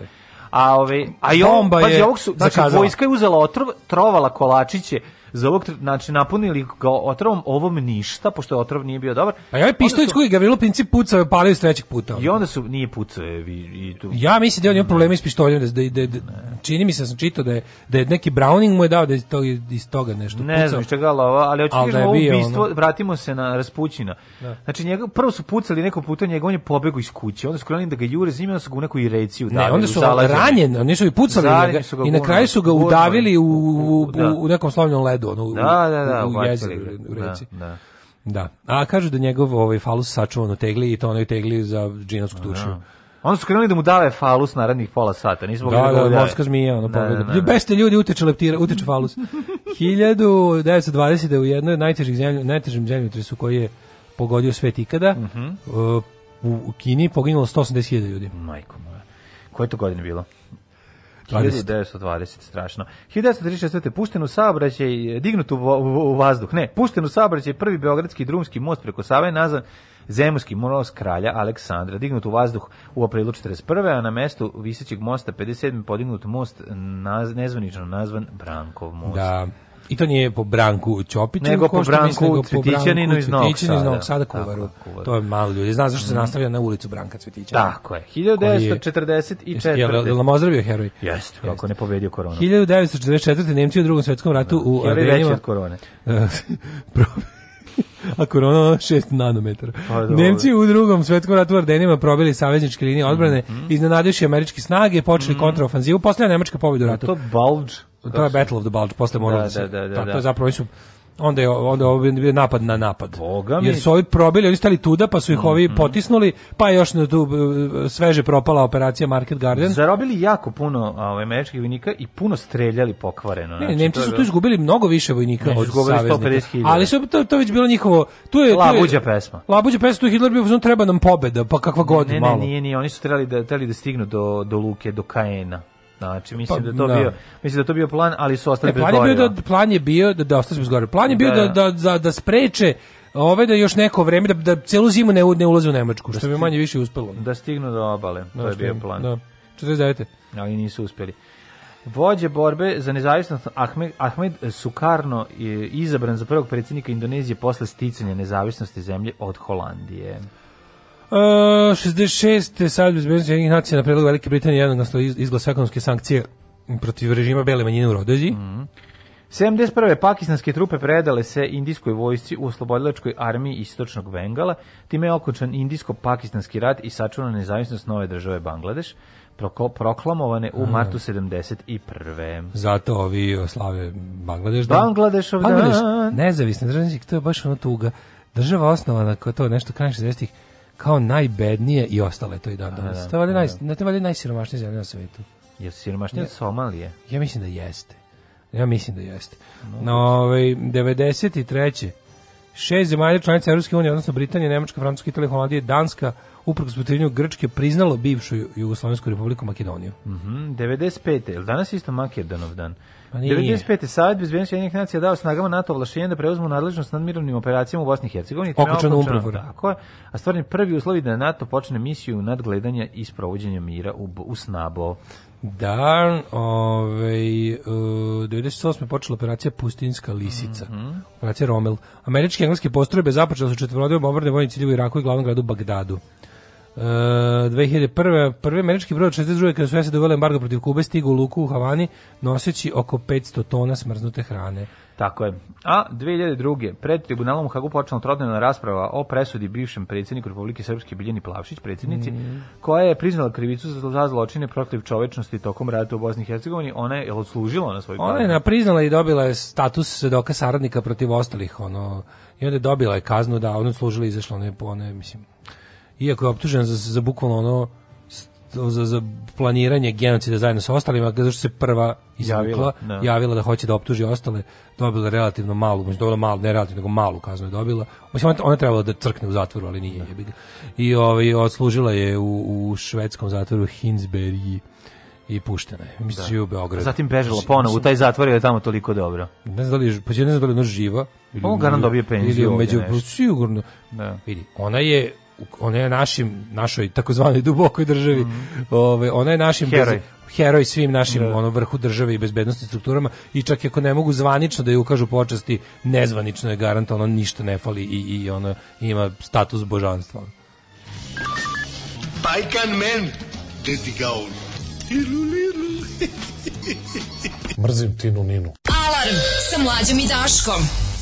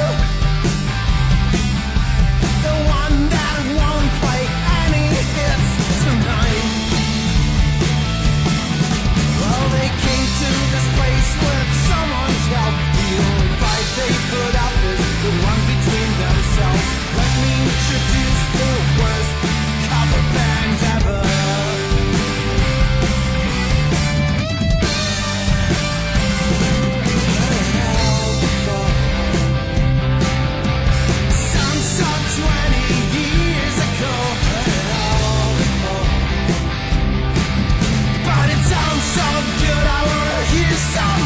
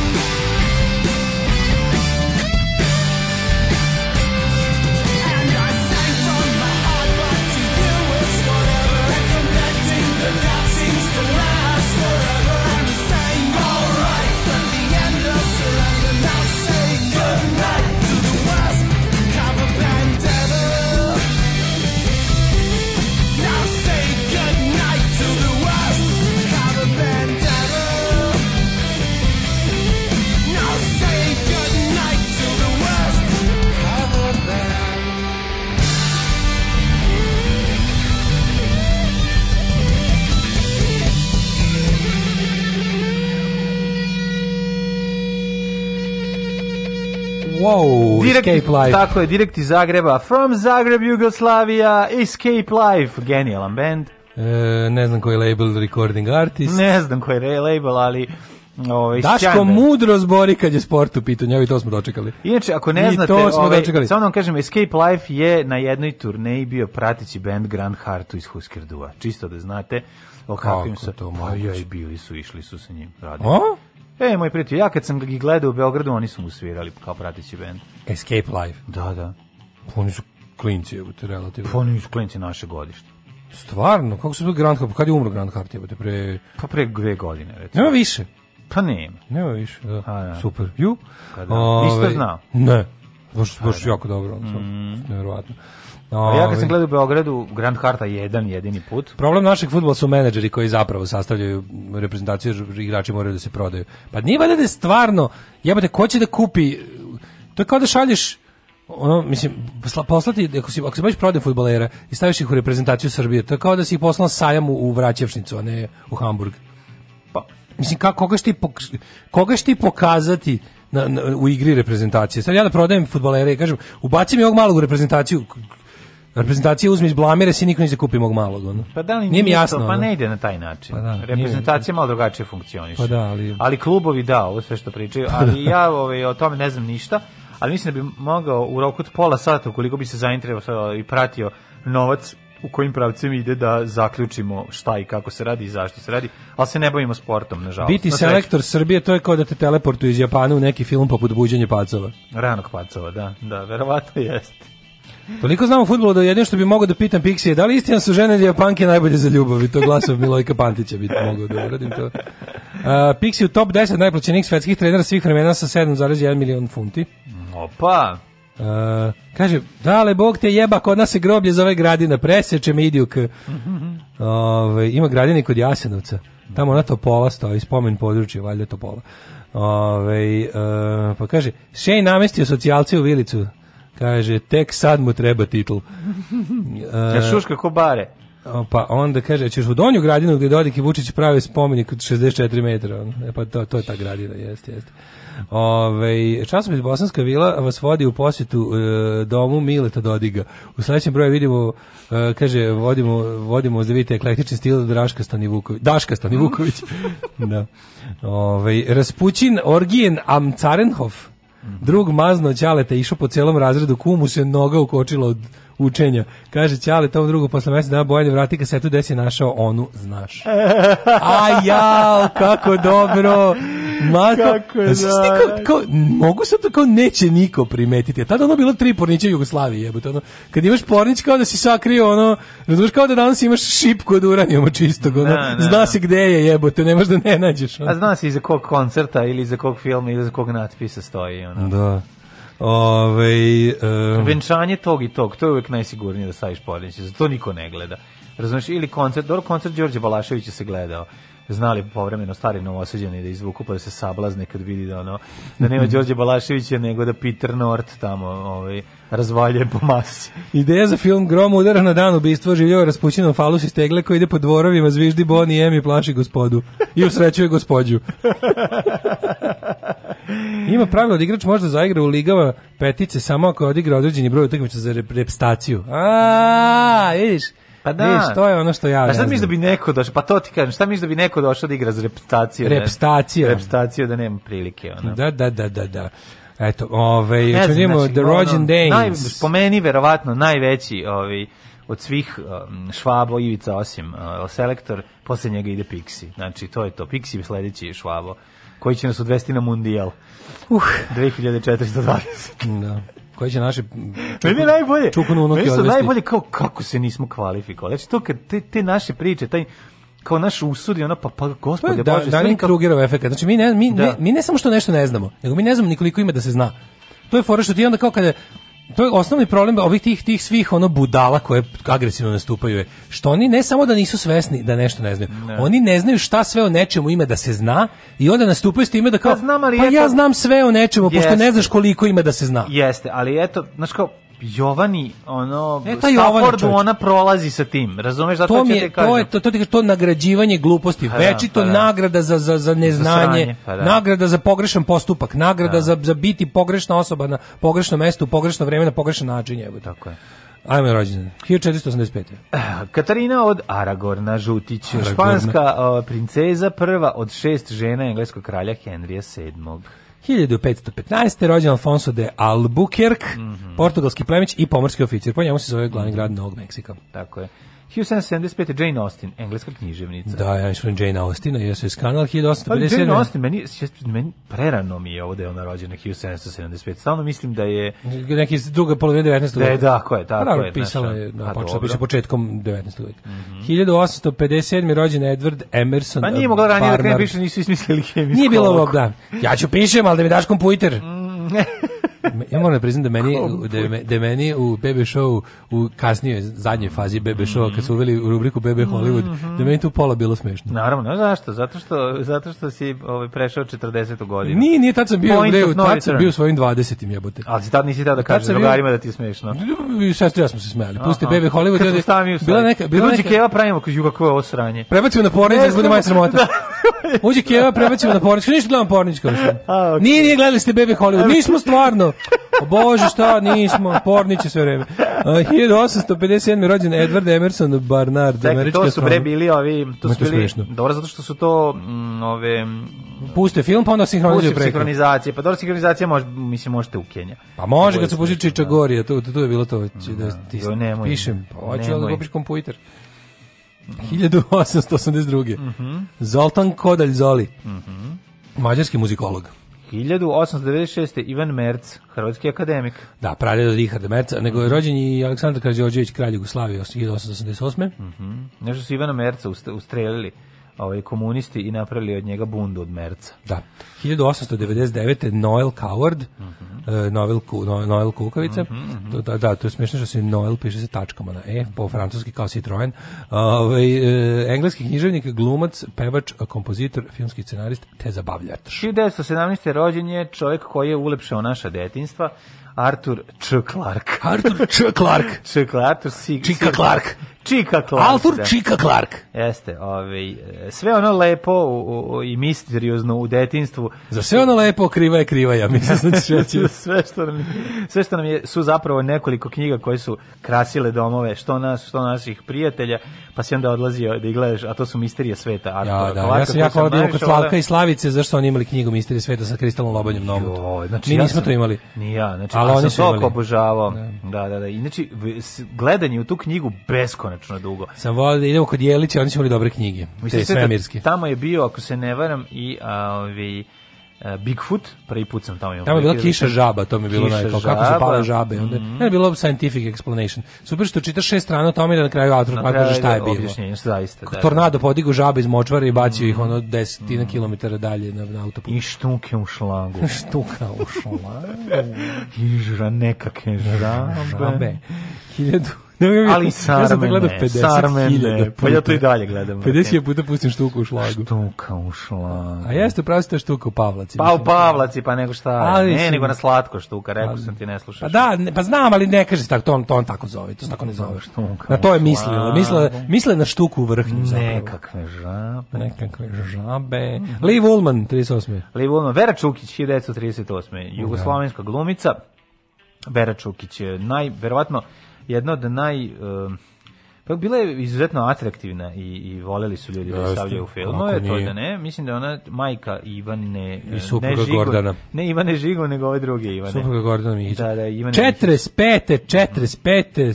Srbim pobedio, Željko Bebek se rodio. Znaš onaj prejedan film kad je ona kao umre na pijaci. Znači ja to ne mogu, ona je u dnevniku. Ne, umre, umre na da. pijaci, umre na ulici, prodavajući krpene dinosauruse koja je sama dnevnik uvreda. To je najjadniji film u svetu. Ja to je film gde sam ja da. ono u fazonu kao bombardujte nas opet, ja ću da vam da. pokažem da ja bacite bombe, da, da. tačno, gde da gađate tačno i ovaj uh, e, gađate samo sirotinju. Mm. Željko, mislim, gađajte random, pošto to znači pa, Ne, bukvalno onako, ko je to sranje? To je strašno, to je strašno. Marko Nikolić i da. Vera Čukić se blamiraju sat i po vremena. Tako je, Marko Nikolić kao gleda sneki na, na, na, na televiziji. Sve je pa dobro, sve, sve je loše, da. 45. rođen Željko Bebek. Mm -hmm. Željko Gepek, e, bosansko-hercegovački muzičar, najpoznatiji kao pevač grupe Bijelo dugme, Jeste, ono, Be Bebek je, mislim, najveći svoje karijere, ne znam, ja sam nekako mislio da njegov odlazak iz Bijelog dugmeta njegova greška. Pa kako nije, mislim, ali ovo solo karijera mu je bilo, bio jako poznati solo u Jugoslaviji još uvijek. Jer ja sećam kad sam bio klijent po jutarnjem programu, a sada mali muzički predak, kad vidim da će, kad krene neki govnjivi, blatnjavi spot. Spot kad on sedi u onim kao... Na taljigama, ono, da, sa one da, da. dve neke, ono, žene koje putuju... Jednu Koliko sam, koliko mrzim tu pesmu. Te kuotrovi. Da. Uju, pa da, da, Prosti mi, tu pesmu mrzim, koliko se nešto može mrzeti. Znači, i to me nerviralo, što ono kao, što ne pustite nešto što mi se sluša tipa Bajaga ili Americana Windows nego gledam ovo kako mi tu blatnjavi jutro. Da, da, da, jeste, ne mogu da stvarno, jedem dok gledam taj spot. Jako, jako, jako mi nervira. Mrzi mi pesmu i spot i, i sve mi njega i on onako sa njim širom i one žene u spotu, sve mi ne žice. I onaj fenjer što na, na, na, zakače na taljivi. A to su neki bili kad lažna ođila. A da da da, da, da, da, da, da, to je, to je tad bilo jako moderno, lažno ciganstvo. Lažno ciganstvo stvarno, to je to krivično delo treba bude. Romska zajednica treba tuži ljude koji, koji, ovaj, koji, koji, lažno, koji furaju lažno ciganstvo. Ciganin sam, al najlažniji. Ciganin sam, al nisam. 1959. rođen Dragan Zdravković, jugoslovenski atletičar. Mm -hmm. Pa je onda rođena Hajke Gabriela Drexla, mm -hmm. nemačka atletičarka. Pa onda Billy Gibbons, u najbolji, Billy Gibbons. Gitar, najbolji gitarista. Znaš da je, to meni, mislim, ja moram reći, meni Billy Gibbons iz... Zizi, Top. Zizi Topa e, iz Nade Zizi Topčagić, najbolji, najbolji gitarista na svijetu, a moram ti reći još jedno, Da li, znaš, da li znaš kad su Jimi Hendrixa pitali ko je za tebe najbolji gitarista? Što je rekao Bill Gibbons? Da, svi kao, znaš na našu priču kao da je rekao ima jedan gitarista. Ima, ima, jedan Srbiji, kućerak u Sremu. U Jugoslaviji, točak ima se zove. Ima jedan gitarista u Sremu. Do you know the wheel? The wheel. Do you know Radomir? Radomir, the wheel. Da. Uh, gladly, peace. Zapravo, kad su ga pitali ko ti je najbolji gitarista, on je rekao Billy Gibbons. A da. Billy Gibbons jeste najbolji gitarista. Billy Gibbons, znači, Billy, znači... A po njemu se zove gitara Gibbons. Gibbons Les Paul, tako je ovaj ne, Billy Gibbons kad spusti gitaru na kolena. On je prvi spuštač, znači, zato što niko, nije mogao od brade da svira. Niko ne svira, znači niko i način na koji on svira. Zašto on spustio gitaru tako nisko pre panke? Jer morao da prođe bradu. Kako je divan, divan je. Znači, ono, Zizi to pobožavam, ali Billy Gibbons... Pre, ja, sam, ja sam moram da priznam, ne, sam ja tek pre jedno manje od godinu dana uzeo da slušam Zizi Top iz onog vremena, znači ja, ja znam Zizi Top kao 80s band za mene. Dobro, ti znaš ono kad su postali mega popularni. Ne, bili su oni pre toga A, pa mega popularni, ali, ali ja ih znam iz MTV faze. Ja ih znam iz ono kao Legs, eh, da. onaj, kako se zove to, ono, ono, Selograd muzika, znaš pa, Mislim... E, onda sam uzao, preslušao sam bre, on njih album De Guelo, čovječe, pa to je super. Je, kako nije super? Ja to pa- nisam znao. Pa i onaj Rita Mini, da- odličan iz 90-ih, to je super album. Ne, ovo iz De Guelo, ako se ne vrame, neka 78. 78, pa bilo koji. To je strava, ono kao, ja to nisam naš. Meni to nikome nije bilo tako čeliferska muzika, ono. Ali od naš Ziz dobi genijalan. Kao nikome nije palo pa da preslušam njihove albume, jer su oni za mene bili tako band spota.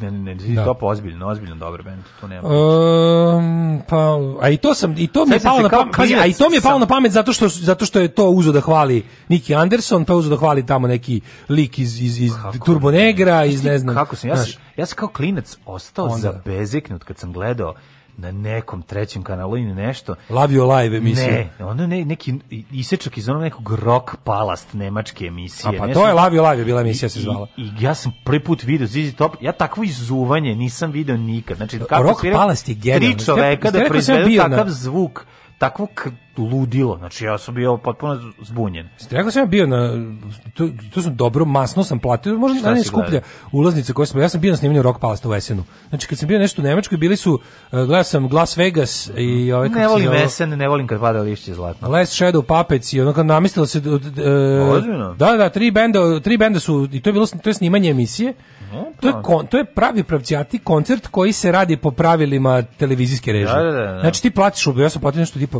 56 evra sam platio ulaznicu, ono bilo brutalno skupo. I onako, može da uđe, tipa, moraš da unapred rezervišeš, može da uđe, lupam, 1000 ljudi, snima se u Esenu, ovaj, i onda je ona kao, da, ima varijanta kao publika, znači ima varijanta s velikog razglasa koji je jači od bilo čega sa, kao neki džinovski razglas, da ti ono kao, samo kaže kao, please be quiet now, pa onda kao, ok, kao, znaš, kao, kad treba nešto... Da, reditelj viče. Da, ladno, ladno si režiran i to je tako, no... I ne, pa te vidi, da se vidiš na snimku?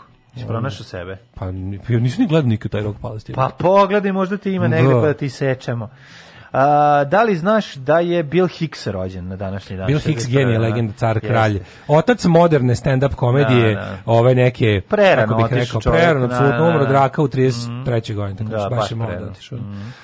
Uh, odlično, ali relevantan je danas jedan kroz jedan. Da, to je da. potpuno nevjerovatno. Njegov materijal može da se gleda, znaš kao, ima možda par stvari koje su konkretno ono dnevno političke recimo za režim tadašnjeg Buša koji je bio da. aktualan, ovaj ćao ga ćaleta od ovoga, ali je to potpuno potpuno smešno i dobro kao da je danas snimano. E, Živojin Juškić, futbaler i trener 69. Mm -hmm. I za ove ostale nisam čuo. Da li znaš za uh, Viorika Dančilu, rumunsku političarku? Kako ne, mm -hmm. mam pojma. Mm -hmm. 705. umrla Vu Cetijan, kineska kraljica, mm. pa je 74. umro Pipin, herstalski, franački majordom. Mm -hmm. Kako majordom? A, majordom, nije, majordom je preznačilo osnivač dinastije, a ne ko će pa, paziti. naravno. Karolinga. Jedan od osnivača dinastije Karolinga koji su Karolina radio pokrenuli. No. Da. 1515. A, Karolinzi Afonso, i Merovinzi. Afonso de Ab Albuquerque, portugalski plemić i pomorski oficir. Umro na, na sopstveni rođendan. Mm -hmm. Pa je onda Karlo Valoa, grof Valoa je titulni latinski car, umro 1325. Pa je umro William V. Pa, peti, pa, Peti. Tvorac teorije o radnoj vrednosti. Mm -hmm, pa. Rekao je, rad ništa ne vredi, bolje budite bogati. Wilhelm Grimm, nemački književnik i filolog. Voliš li Maksimiljana Vrhovca, zagrebačkog biskupa, Temecenu? Da, a ti Dimitrija Ruvarca? A Wilhelm Grimm je, ja mislim, brat od pa, Jakova Grima. Da. Naravno, Burazer. Da, da. Alfons Dode, mm -hmm. -hmm. uh, francuski književnik 1897. Šta smo imali od Alfonsa Dodeja smo učili nešto u čitanci je bilo, mm -hmm. a ja sam se onda zabezeknuo kad sam kasnije u biblioteci Erotikon pročitao njegovu Dirty Book i bio sam u fazonu, što ovo nisu stari u čitanke? Ne može, moraš buš malo stariji da. pa da kreneš što čitaš. Evo, ja Jakle umra, naš, Vukajlija. Jeste leksikograf, čovjek od Kad je umro? Naš internet, naša Wikipedia pre. On Wikipedia. je bio da ja moj moj alat za pametovanje. Kad je ovaj umro? 55. Aha, a umro pa ranije i Kamisan Komunisti san... su ga ubili, ne znam, tukli su ga pa da, knjigama. Pa tukli ga knjigama, starog da, je onemoćao. Mora mora ne deo starog je onemoćao. Starog je onemoćao, onemoćalo. Mladi komunisti kad je izašao Upali su mu u stan. Znaš kako je to bilo? Mm. Upali su mu u stan i pretukli su ga njegovim leksikonima. Tako je. Uh, 1921. Kamisan Sans pa je umro Elezer Ben Jehuda, židovski jezikoslovac, mm -hmm. Dimitrije Ruvarac, 31. To sam ti rekao. Glenn Miller, 44. poginuo. Mm -hmm. Evo Kajli je dobro. Onda William mhm. Somerset Mom. I to je to. Mom, Maugham. I da, za ostalo ne znam ko Evo ti malo u lepšem detinstvo, može? Ajde.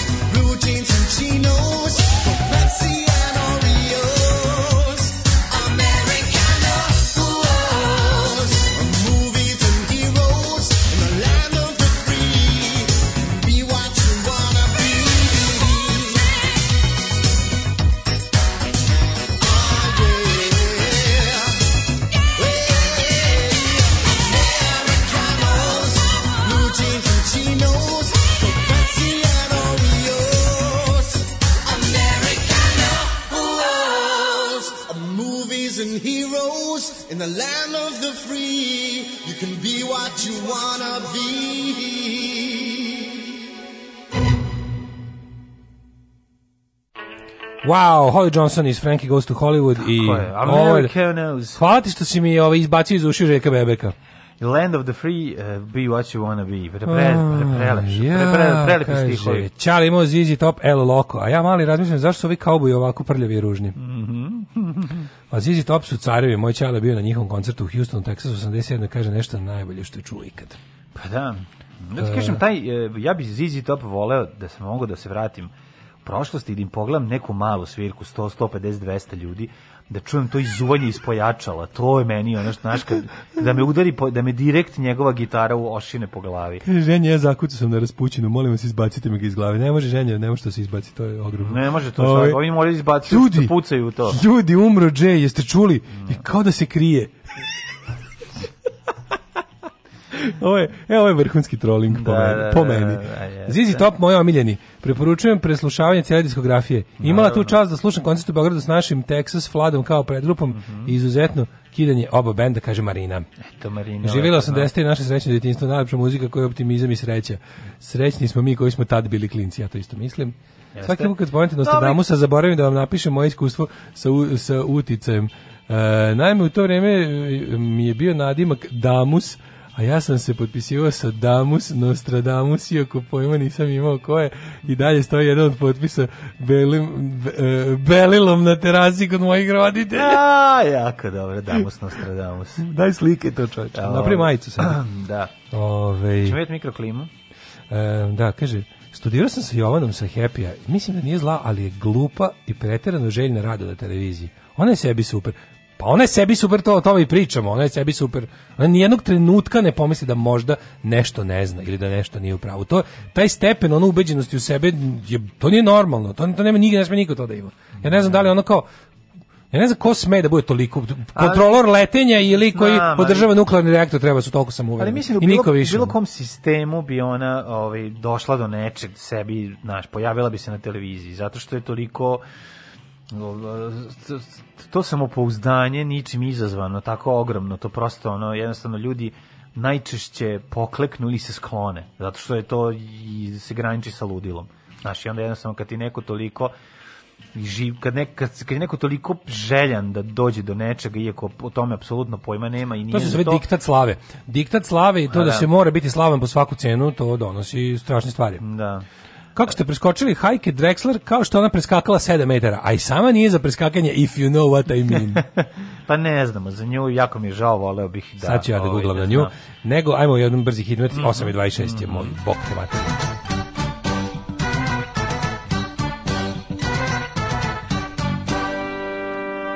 te Mladene, ovo je prva rosulja na paliću. Neka je 4 33354454424328355362534362530. Javit ćemo se Ilija najveća ljudska dobrota. to je istina. uzla ovaj, e, negativno 5, Zlatibor 1, Sjanica mhm. minus 5, Požega 1, Kraljevo 4, Kopanik 0, Koš, Šumlija 3, Kruševac Ćuprija, Nišlatskovac 4, Zaječar 4, Dimitrov 3 i mhm. Vranje 0. kakve je, znaš kako je juče, nema ono kao magla, magla u šumi na planini. Kako je to dobro je. Koliko, znaš kako štuka mi juče... svuda, štuka oko nas. U šlagu. U šlagu. Nego koliko mi juče bilo krivo što nisam mogao da ostane da knjavam tamo. Kako sam, ali... Mm. E, čim, na, čim budemo na ovom našem malom novogodišnjem raspustu, A ja, ću dodem tamo. tamo šmiranit tamo. mačke, čovječe. Hoću da tamo, da ne, hoću 7 dana da ne silazim odande, da ćutim, da se samo, da se kupam s mojim protočnim bolerom po sat vremena i spavam 12 sati i šetam po šumi. Pa tu je najlepše e, nešto. E, to ću da radim. Pa to je san To ću da radim. Uživaj. Niti pišem, niti čitam. Uživaj, brate, danas će biti dosta sunca, 8 stepeni, ovaj, sutra isto toliko i preksutra manje sunca, ali bitno je da ne bude kiše i da ovi radovi koji se obavljaju mogu da se obavljaju kako treba i da, im, da ih kiša ne sprečava. Ako neće da padne kiša, kupite ne, kukuruz i stavite bakčiša. Ako želite da danas ne padne kiša, a neće, kupite kukuruz i ostavite bakšiša. Upravnik vodovoda pije samo konjak. On bi najsrećniji bio kad bi svi drugi pili konjak. Tada bi sve bilo komunalno. Radio Daško i Mlađa. Prvi program.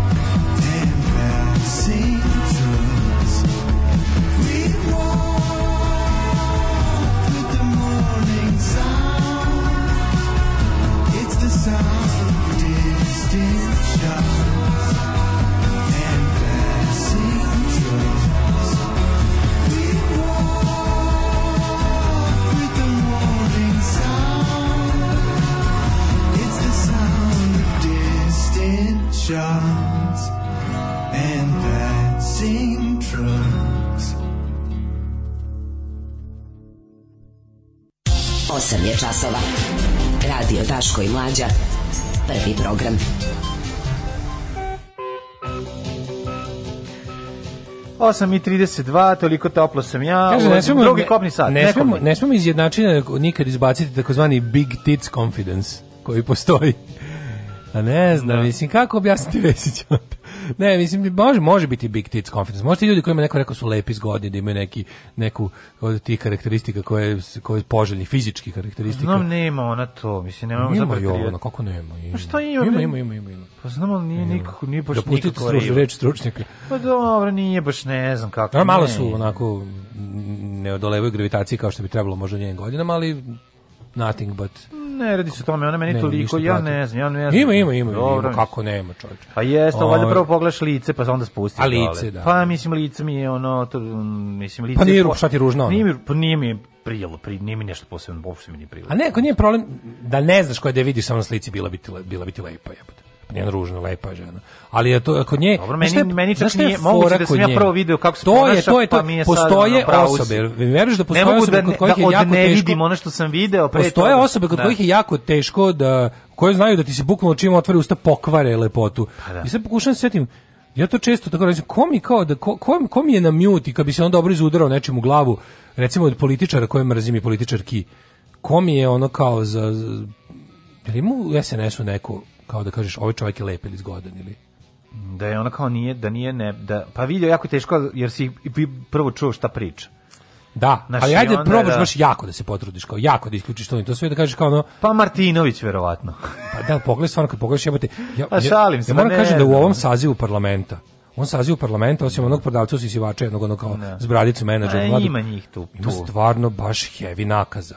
Mislim, ja stvarno da kažeš da Todd Browning dođe i kaže, da kupljeno kat Pa vidi, ja se to uh, e, se baš da ono nije lepo reći, da ali brate mili ono. stvar, znamo da to nema veze. Pa ne znamo da nema veze, ali čisto kažem da je ono kada kad prvo kad slušaš prvo to zvuči meni ta, da sadašnji saziv skupštine ali da njihove ličnosti sadašnji, pojačavaju njihovu nakaznost. Sadašnji, da. da, da, sadašnji saziv skupštine je baš kažem ti cirkus nakaz u smislu ne samo da vidiš ljude sa nekakvim neprijatnim zagledanjem, nego je to kao kao da su kao da je neki program inkluzije, da ono kao kao bože kao je moguće ne, ja da ovoli ja ono baš puštaju ja ljude. video kako sipa zlo, znači prvi put kad sam je video u životu je bio na Happy televiziji, kako sipa Znam, da. zlo. Znači zlo, ja, da, ono, stvarno, ono kakve baš, da. sise, ja. kako što ja ništa tu nisam video osim, osim jedne krajnje antipatične osobe koja, koja kasnije ovaj pored toga što je antipatična sam video i da nije naročito inteligentna. Da, ima ima. Tako da ima, da sve zajedno ja ja stvarno ne znam Mislim, ja moram da kažem da ja ne bih nikada u životu niti pomislio, niti mi palo pamet da im bi, bi bilo šta sa njom. Znači, ne, kad vidiš, mi je kad vidiš, kad vidiš, kad vidiš zloće, kada vidiš zloće, bilo da su muške... drugo je zloća, mislim. Ona, ne, zlo, zlo, ona nije zloća. Ma, da. je zloća? Ona, ona je zla, ali nije zloća. Zloća ima,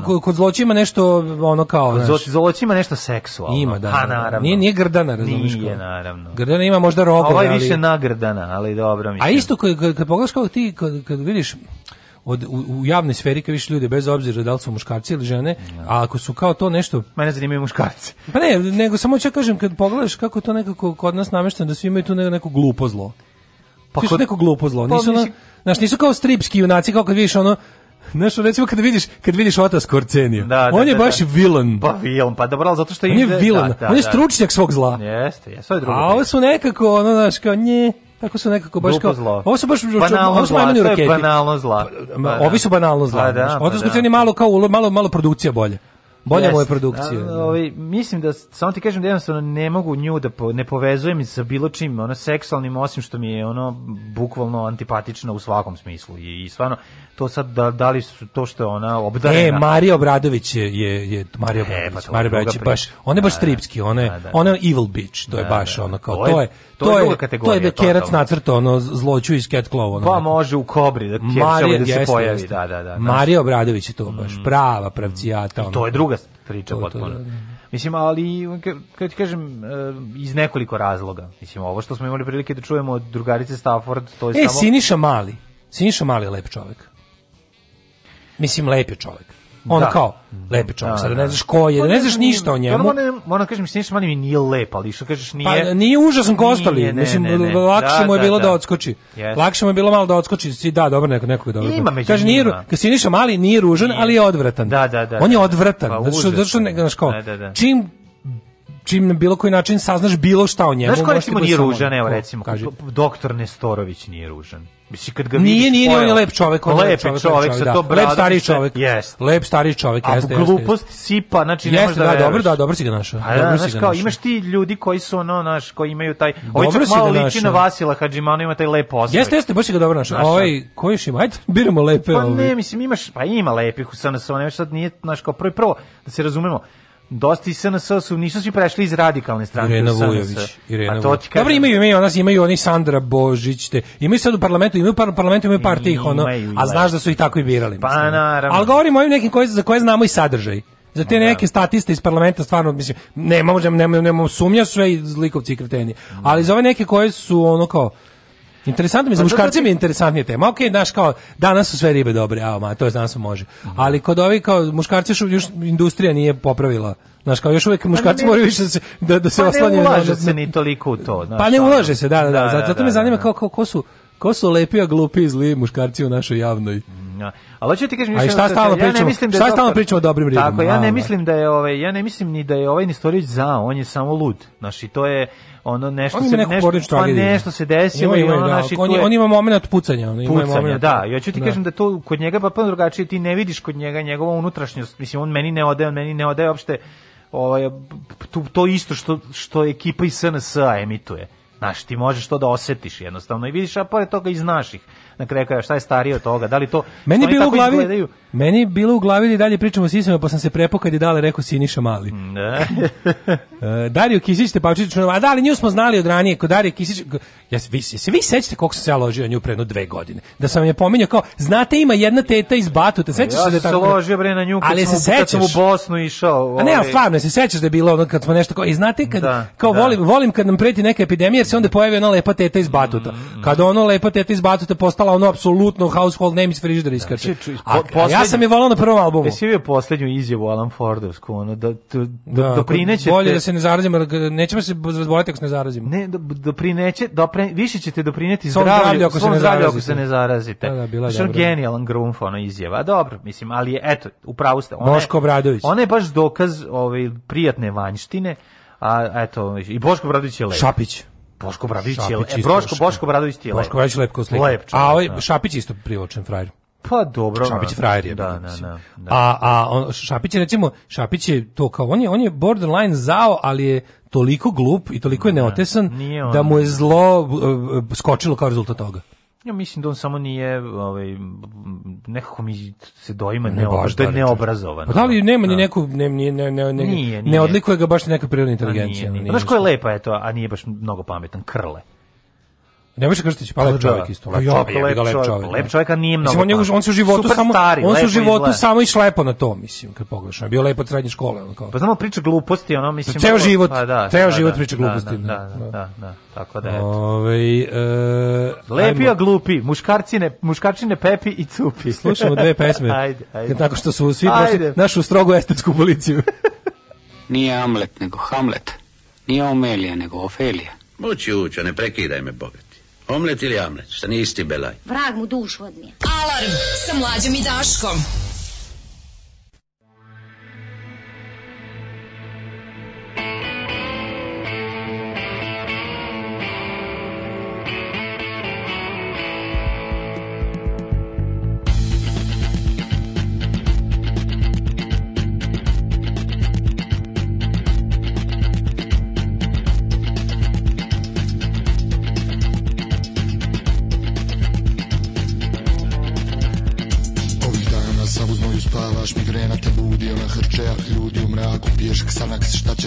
misliš li na nas? One, ovih dana vrhovni sud ti sudi ništa od toga Pa ti si prvi do boga, diktiraš, urednik piše kliše Biće kiše, opet migrena Ovih dana raskol u stranci za naslovnicu Loži ona za naivnu rulju, burek i rulju Meso na žaru za zatvorenih vrata Neće, hoće, hoće, neće biti rata Nismo matični brojevi, brojevi računa Poluprazni kontejneri, ščupane klupe Nas nema i nikad nas nije ni bilo Samo ti se snilo Mi smo matični brojevi, brojevi računa Poluprazni kontejneri, župane Tupe nas nema i nikad nas nije ni bilo Samo ti se snilo Ovih dana odluka je pala u prvom krugu Izglasao mu dala hvala mi hvala Povjerenje, prosperitet, poštenje Poješćemo drago kamenje stakita Vaših žena, čeri kurtizana Ovih dana gladni bijes jedni na druge Na sebe zbog vas, zbog tebe, zbog svih poltrona kutona, mediokriteta Mi smo šupak svijeta, nikad više 90-a, 95-a Konopac je spreman, sadit će se grana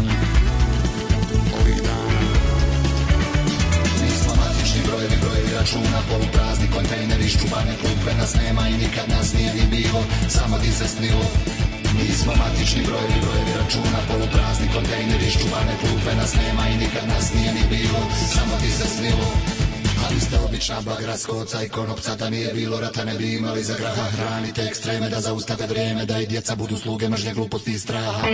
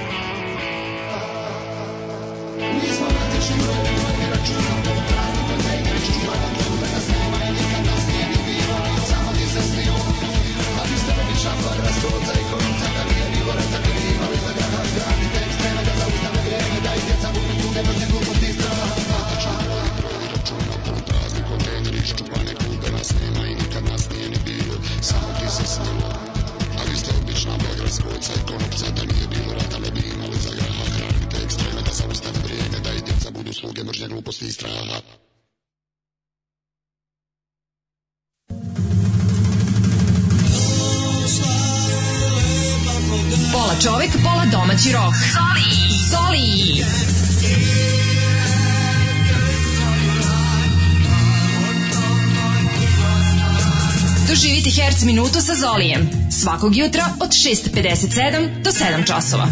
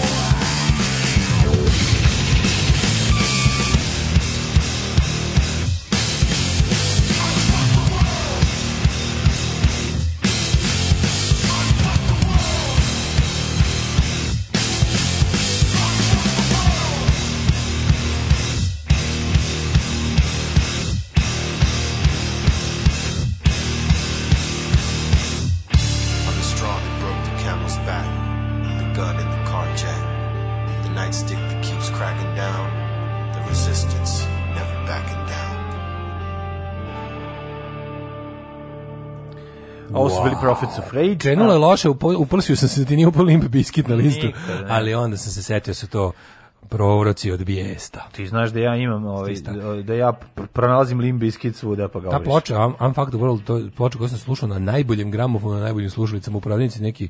Sad e, bili smo zajedno stari u Berlinu.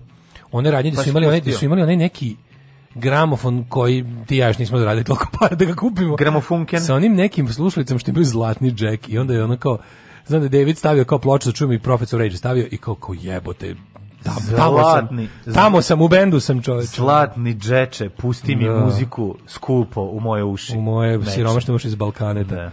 Danas je 16 ili tako nešto. Mm. Programiram. Večeras imate ljude iz podzemlja u 8, ja programiram da, da, da ide mhm, večeras. Mm Pošto mhm. Mige je napravio emisiju, nešto, Ker mu je bolestan. Pray for Mige's dog. Ajde, drži, držimo fige pa za kucu od Mige. Da. Ove, da vidimo šta kažu mladi. Um, kaže, hoćemo prolivu najlon kesi. Lakše mi je to da slušam nego o lepim SNS-ovcima. Molim vas, mi smo emisija o intelektualnoj doslednosti i poštenja.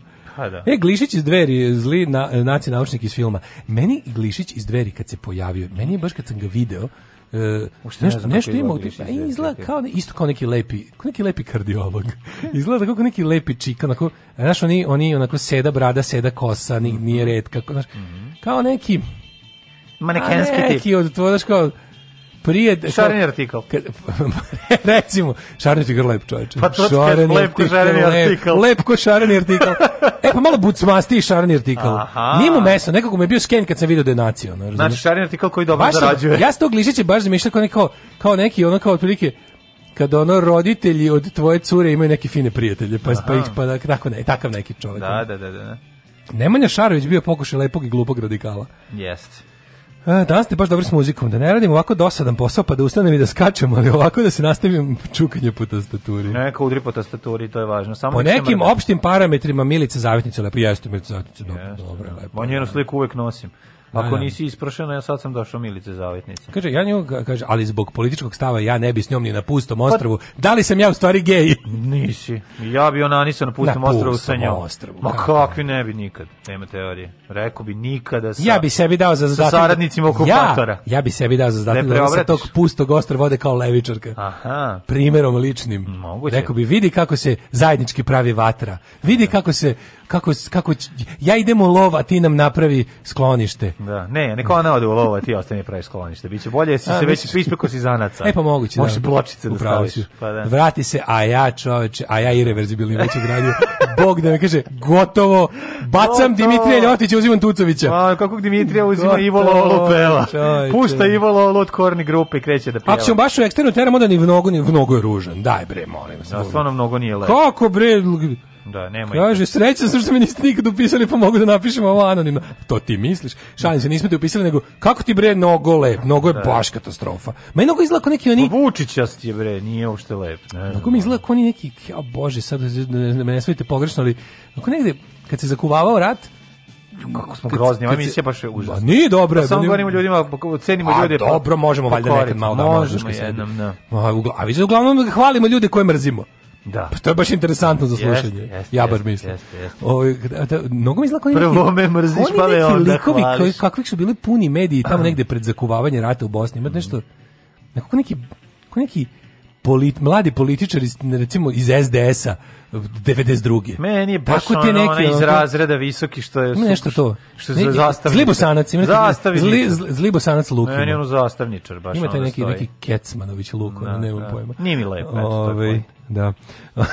Mislim kad govorimo o opšte prihvaćenim ono pravilima lepote. Da, pa da, onda znači, da ti, da ti je, baš malo isključi, probaj da isključiš pa, ono iskustvo, saznanje i ton šta ostaje kao da. malo da, da. čisto da. da. Ove sad kad smo sad kad smo se nahvalili što opasno me, Medlin Obrajt koja to nije nagnana ja, na vreme to meni se uključuje u dijalog Beograda i Prištine u nadi da će se sresti sa čovekom iz Jalovine da je iznagnava ovaj, ne, meni u, drugom, to, u drugom krugu. To mi je sada tema, da. umirem, znači, umirem što sada svi, ali svi, svi, svi stiže, me, ne umrla Merlin Albright stiže. Judo, je, je. Kao, ona, ja ne znam da li postoji u našoj javnosti neko ko je... Osoba koja više mrzi, Marti Artisari i on. No, kakvi Marti, Marti Artisari, da, znači, pa dobro, ona aj pitaj prosječu, pitaj da, prosječu da, da. konzumenta srpskih medija, ima jedan metak u pištolju, a trče ka njemu. Da, da, da. Merlin Albright, ja mislim da niko ne bi Marti. Marti bi, brate, mogao da ide ono, ne moraju da trči cik cako. Pa ne mogu niko da trči od njih više, ne trči, ali eto, da dolazi onim kolicima na baterije prema tebi, ja mislim da bi Marilyn Obret stradala u pravu si prvo, ona najomraženija osoba. Marilyn Obret, ja ne znam da li da. Javier Solana, Marilyn Obret, Jamie Shea. Niko, niko nije kao. Marilyn Obret je naj, niko. Marilyn, ona je, ona nju najviše. Sve pazi. Nju bi babe s pijace, ono, gađala najskupljim jajima. Da, da Marilyn Obret. Znači, ne bi žalili, ono, ona aj, jaja od 29 Marilyn Obret, kad bi, kad bi propala, kad bi ostala bez dinara, mogli bi da nazove neku, recimo, neku, ono, televizijsku mrežu mm -hmm. i da kaže imam ideju za svoj reality. Da me vređaju ne, ne, ne, ne, ne, treba da prehodam 100 metara u Srbiji u bilo kom gradu Srbije. Znači treba da prehodam 100 metara u bilo kom gradu Srbije kroz da. naseljeno područje. Da. I da a vi da to snimate to to će da vas košta 10 miliona dolara. Kako on treba da otvori na Facebooku ko ove naše vidovite da ona tamo iz Amerike da zovu da je vređaju iz iz Srbije a da je da, ono, da, a da je 100 dolara da minuta. 100 dolara minuta svi bi zvali.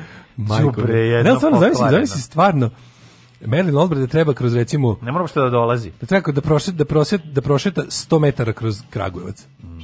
Kao kroz gra, glavnu ulicu Kragujevca. A pa da, ne bi u Kragujevcu ni fermali pet. Kako ne bi bre, čovjek? Kažem ti zanimljivije. U vreme kad penzioneri, u vreme kad penzioneri na pijacu. U vreme korone je mnogo lakše ne, da sada, da zovu telefonom. Ne, sada, dobro, da. I generalno za produkciju, ja sam odmah produkcijski Evo, gledam. Lep dan u maju. Da.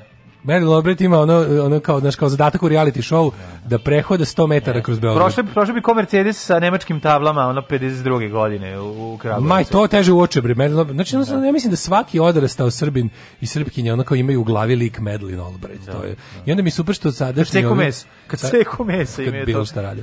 Ali kada, ovaj, kada sad, sad kao, pošto postoji naznaka da će kao u Bidenovoj administraciji, pošto će Bajden vratiti dosta, ne znam, obamenih nekih likova, pa ne znam, biće tu kao, biće balans između, na ovom socijalnom unutrašnjem planu će da dopusti ove levlje, malo likove, kapiram da će na međunarodnom planu opet donesti neke jastrebove, jer to je ono nesreća demokratskih administracija u odnosu na republikanske, moraš negde da ono, moraš negde krvo da platiš to što si sklonio Trumpa, ali kao da će u tom kao za finalno rešenje ja ne znam, kao pregovarački tim, izgleda, izgleda će Biden tu da stavi pravi ovu samo da bi nervirao ove ovde.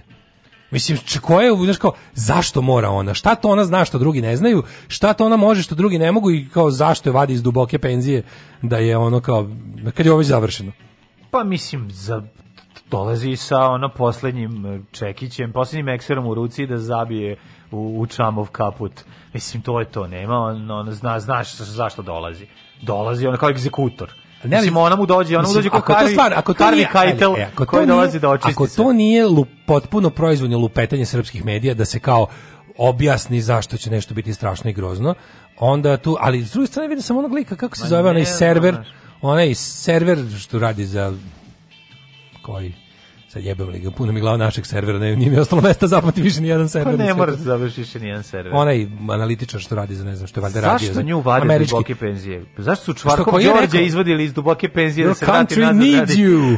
Rambo, your country needs you! Zamisli nju Zamisli kaže ona kao moraš da rešiš još jedan poslednji posao ono. One last job. Ono da da. Znači, da. I onaj Henry Kissinger znači stvarno. Medlin Medlin 6 šesti deo. Mislim ja kao dolazi Henry... po nju Medlin sedi na, na tremu u svojoj kući u, u gornjoj donjoj Americi i sedi tamo i vrtila U, u maloj Johnsonovini seća se seća se čeških dana i mladosti i kako nije nagnana i dolazi oni kaže imaš poslednju šansu kao treba kao dođeš da pomogneš svojoj Americi. Rešio da je problem s Kosovom, ona kaže ne. On kaže Ovi se okreće kaže, tamo je i Vela, Velja Ilić. Ona ustaje, to, diže se. Ona, he, ve, vezuje tratku oko da, da, glave, da, stavlja hemijsku olovku, pen, penkalo puni. Znači, ono sve usporeno, sređuje se. Kao kad se Rambo namješta. Kao Rambo kad se sprema. Kad više, ono close-up i vezivanje čizmi, to, to ve, kačenja ovih kašikara na, na ovaj... Je na prslu. Podvezice, sprema se za velju, razumeš, sređuje se i dolazi kod čoveka iz Jalovine. Kaže, od tvoje zemlje te treba, moraš da iško, žrtvuješ sebe za, za rešavanje A znaš kao 20 years, 20 years later, ono i velja i ona. A i velju isto kao. Reunion. Sad zamisli velju koja kao ramba. Velja koji je sad opet neki e, falus u, u čačku, odbornik. Velja, velja koji ono... Valja je, velja je odbornik koji u čačku. Ne da li si velja oporavio od pretrane količine medonosnih proizvoda koje se nagutio da bi se zaštitio. Sećaš da je bio da, da, da, da, je, ovaj, da je dospeo u dispanzer, da, da zato što što da se prezaštitio protiv korone od, od s nekim medom. Možda je on znao što mi ne znamo. Proleto Možda je grunuo med i orah i pa ga puka u čelo. Proleto se, da, da, da, da proleto se da, on bio zvezda ovih... Samo povredio se penisom. U vreme kad je Hari Varešanović uleteo s dve viagre u Sarajevski urgentni centar koji je bio pun koronaša, tad je i ovaj... Ono, tad je ovaj se najao nekog meda, nekog matičnog mleča, nešto pa mu se slošilo i došao tamo, znači nije bio koronaran, ali ovo, ne znam da li, ovo je dosta zeznuto. Imamo dva Rambo. Da, što neko reče da nema Merlin Olbrich, danas bi nam Ratko Mladić bio demokratska opozicija. Pa da, ima... sad, da nema nekog, da, da, da nema neko da, da, se da, tako zapizdio, ono, mm -hmm. znaš, ali kad pogledaš, ono... Pa imamo dva Ramba, imamo njega ramba koji se sprema uzima ona sve ovaj, moguće za ovaj, pojačavanje libida, ovaj pirkaju mu guzicu što bi rekli kako e, je bila bila fora što meni Obret ima ima ona stvarno ono takes no bullshit od tih balkanskih. On, on ima da. kao ima svoj plan i program pa da, da obavi ima da obavi svoj plan i program kao neće da neće da trpi gluposti od balkanskih tih kao likova i jednostavno nema više. Verovatno je ona ako ako je zaista to istina, ako to nije izmišljeno. Znači mm. onda je to ona ona je kao žena simbol za to kao tipa sad više neće biti ono kao Eh, odlaganja, neć, neće više biti eh, konstruktivnih dogovora, nego da. kao proleće 21. ideš tamo, u redu je kao vidi već napravio već velike korake, mm. ali kao kad ti dođe ona, to je kao ono, kao, da. ame, kao predstavnica američkog interesa jedan kroz jedan, koja će da ti ono kaže da ne odlazi odatle bez mm -hmm. ono, pot, bez onih kožnih fascikli pa sa tvojim potpisom. A Vučić koji je govorio, ne dan gazi vode, ne dan gazi vode, evo gazite gazi, evo gazi vode, evo ajde. gazi vode, ajde Znaš, šta ima. Sasvim, ali moram priznam, ja kao i uvek, mislim, ja, ja uživam u svakom diplomatskom porazu Vučićeve administracije, tako da pozdravljam ovo. Pa Parmere jaru lovuš i tebe kočim tream. Daška i mlađa, mađarske pičke.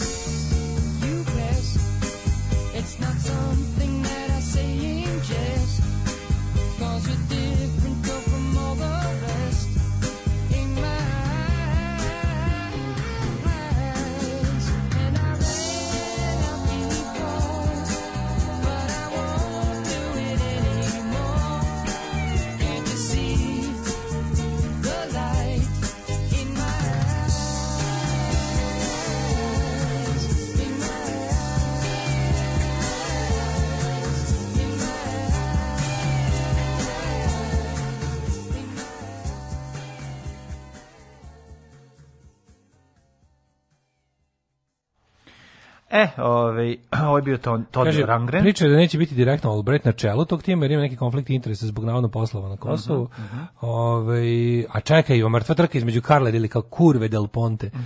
I, ali moram da kažem, imamo mali, mi smo tu imali mali change of heart. Nije, kao da imali smo change of heart. Bila, no. a, Karla del Ponte je završila in the contempt of the court kada se povodom slučaja Kosovo. Ona, da. Karla del Ponte, bila omrznuta zbog toga što ganjala srpske heroje, Karadžića, Mladića i ostale srpske heroje, da. ali kad je sad onda, onda odjednom u slučaju e, ona je bila pa istribala je pravdu. Bila je prosecutor iz za da, da. Kosovo za za za OVK.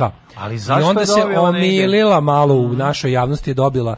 Bilo je malo u kao izgleda, ona sve vrijeme sam radi sve posao to je da bude tužilac. je, pa su malo tako. počeli da pišu o njoj lepo ne, čak i na. Ona je bukvalno zaglavila Bajmok, ja mislim da to nije bilo onako da, zezanje. Bajmok, da, da, Bajmok. Da, da, da, da. Bajmok gore od Bajmoka. Da, da. A ne, bila nešto trebala da mislim to se nije išla u nije bilo prid nije bilo u zatvoru, ili bila nego nešto platila ne, ne, ne, ne, platila je, platila je. Nešto platila. ozbiljno bilo. Platila da kad se nađeš u contempt of the court to ono baš mm -hmm. nešto košta, ali ona nešto zapela bila oko tih slučajeva i ne znam žuta kuća kuće i šta još pa odjednom postala jako draga. I onda tu, tu to je bio momenat kada su, viš, to je bio momenat kada su Srbi malo shvatili šta, kako funkcioniše pravosuđe, šta je tužilac, šta je ovo, šta je ono, pa im je tu malo bio malo zabun kad se odjednom desilo da da ovaj Znaš, sećaš se da je to bilo? Ja mislim da nije bilo jeftinije da, uh, da ostane u zatvoru nego da plati 1000 dinara dan.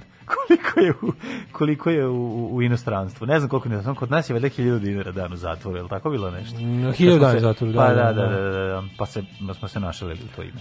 Kaže, mogu da... U da- Bajmoku. Da, e, Florence Hartman, ili ona nešto bila? Florence Hartman je bila... Ili je Florence Hartman nije ova, Florence Hartman Ne, je ne, Florence Hartman je zbog odavanja ne, nekih službenih, to je drugo nešto bilo. Mm. Karla de Ponte je bila baš ono kao, to se kaže nepoštovanje suda. Ona da. je zbog ne znam čega, Platila, nešto je popizdala bila, oko ne znam čega, oko nekih dokaza što nisu uvršteni, mm. a Florence Hartman je možda čak i bila u, morala da, da bude neko vreme u nekom od tih pritvora jer je u nekoj svojoj knjizi da. objavila nešto što nije smela. Jeste, jeste, Valeria Zandman je baš zglajznula. Ili u nekom intervju. Da, da, da, da. Ona je baš bila u Bajmoku u da. zatvoru. Kaže, to je, sa politički gledano, to je uspešan projekat, kao da, i, da. i Kosovo i demilitarizovana Srbija koja je sposobna još samo sebe vojno da pobedi a to je, mislim, to jeste, on, Marilyn Albert jeste bila u tom timu, tako da oduzimanje oružja za masovno i, i manje masovno ubijanje ono režimu u Beogradu je, mislim to je donelo mir na Balkan. Da, da. Znači, po, po, po ono, svi poči, po, kako kažem, svi pokretači ratova na, na ovim prostorima su ovaj oduzete su im igračke za pokretanje ratova. Da. Imamo sad situaciju da... E, da ovaj, Floresa Artman. Floresa Artman, da, da, moja, moja velika... Jeste, jeste. Moja, da. ja, ja i dalje se ne, ne sramim, tako kao pre što tako sam... Je, tako nego ja bi malo da pričamo o fenomenu lažnih policijskih znački. Zato što to meni potpuno genijalno Ove, ovaj, ja sam video uživo nekoliko lažnih policijskih znački koje no. Mm, da. ovaj postoji dve vrste lažnih policijskih. Mislim postoji milion vrsta, nego se mogu podeliti na dve grupe. Jednom mladiću u, u Novosadskom kafiću je ispala ove, ovaj, značka, pa sam se ja potpuno zbunio. To nije bila značka. A ovaj ne, on ima značku, ove, ovaj, mm, policijsku. Nema značku policijsku. No, onda to što to... si ti video je da. bilo, sad ti kažem čemu se šta kaži, kaži. Kako to oni rade? Znači ti svi likovi koje vidiš, znači da. nikad niko od tih huligana, do, sničova, do policijskog sindikata.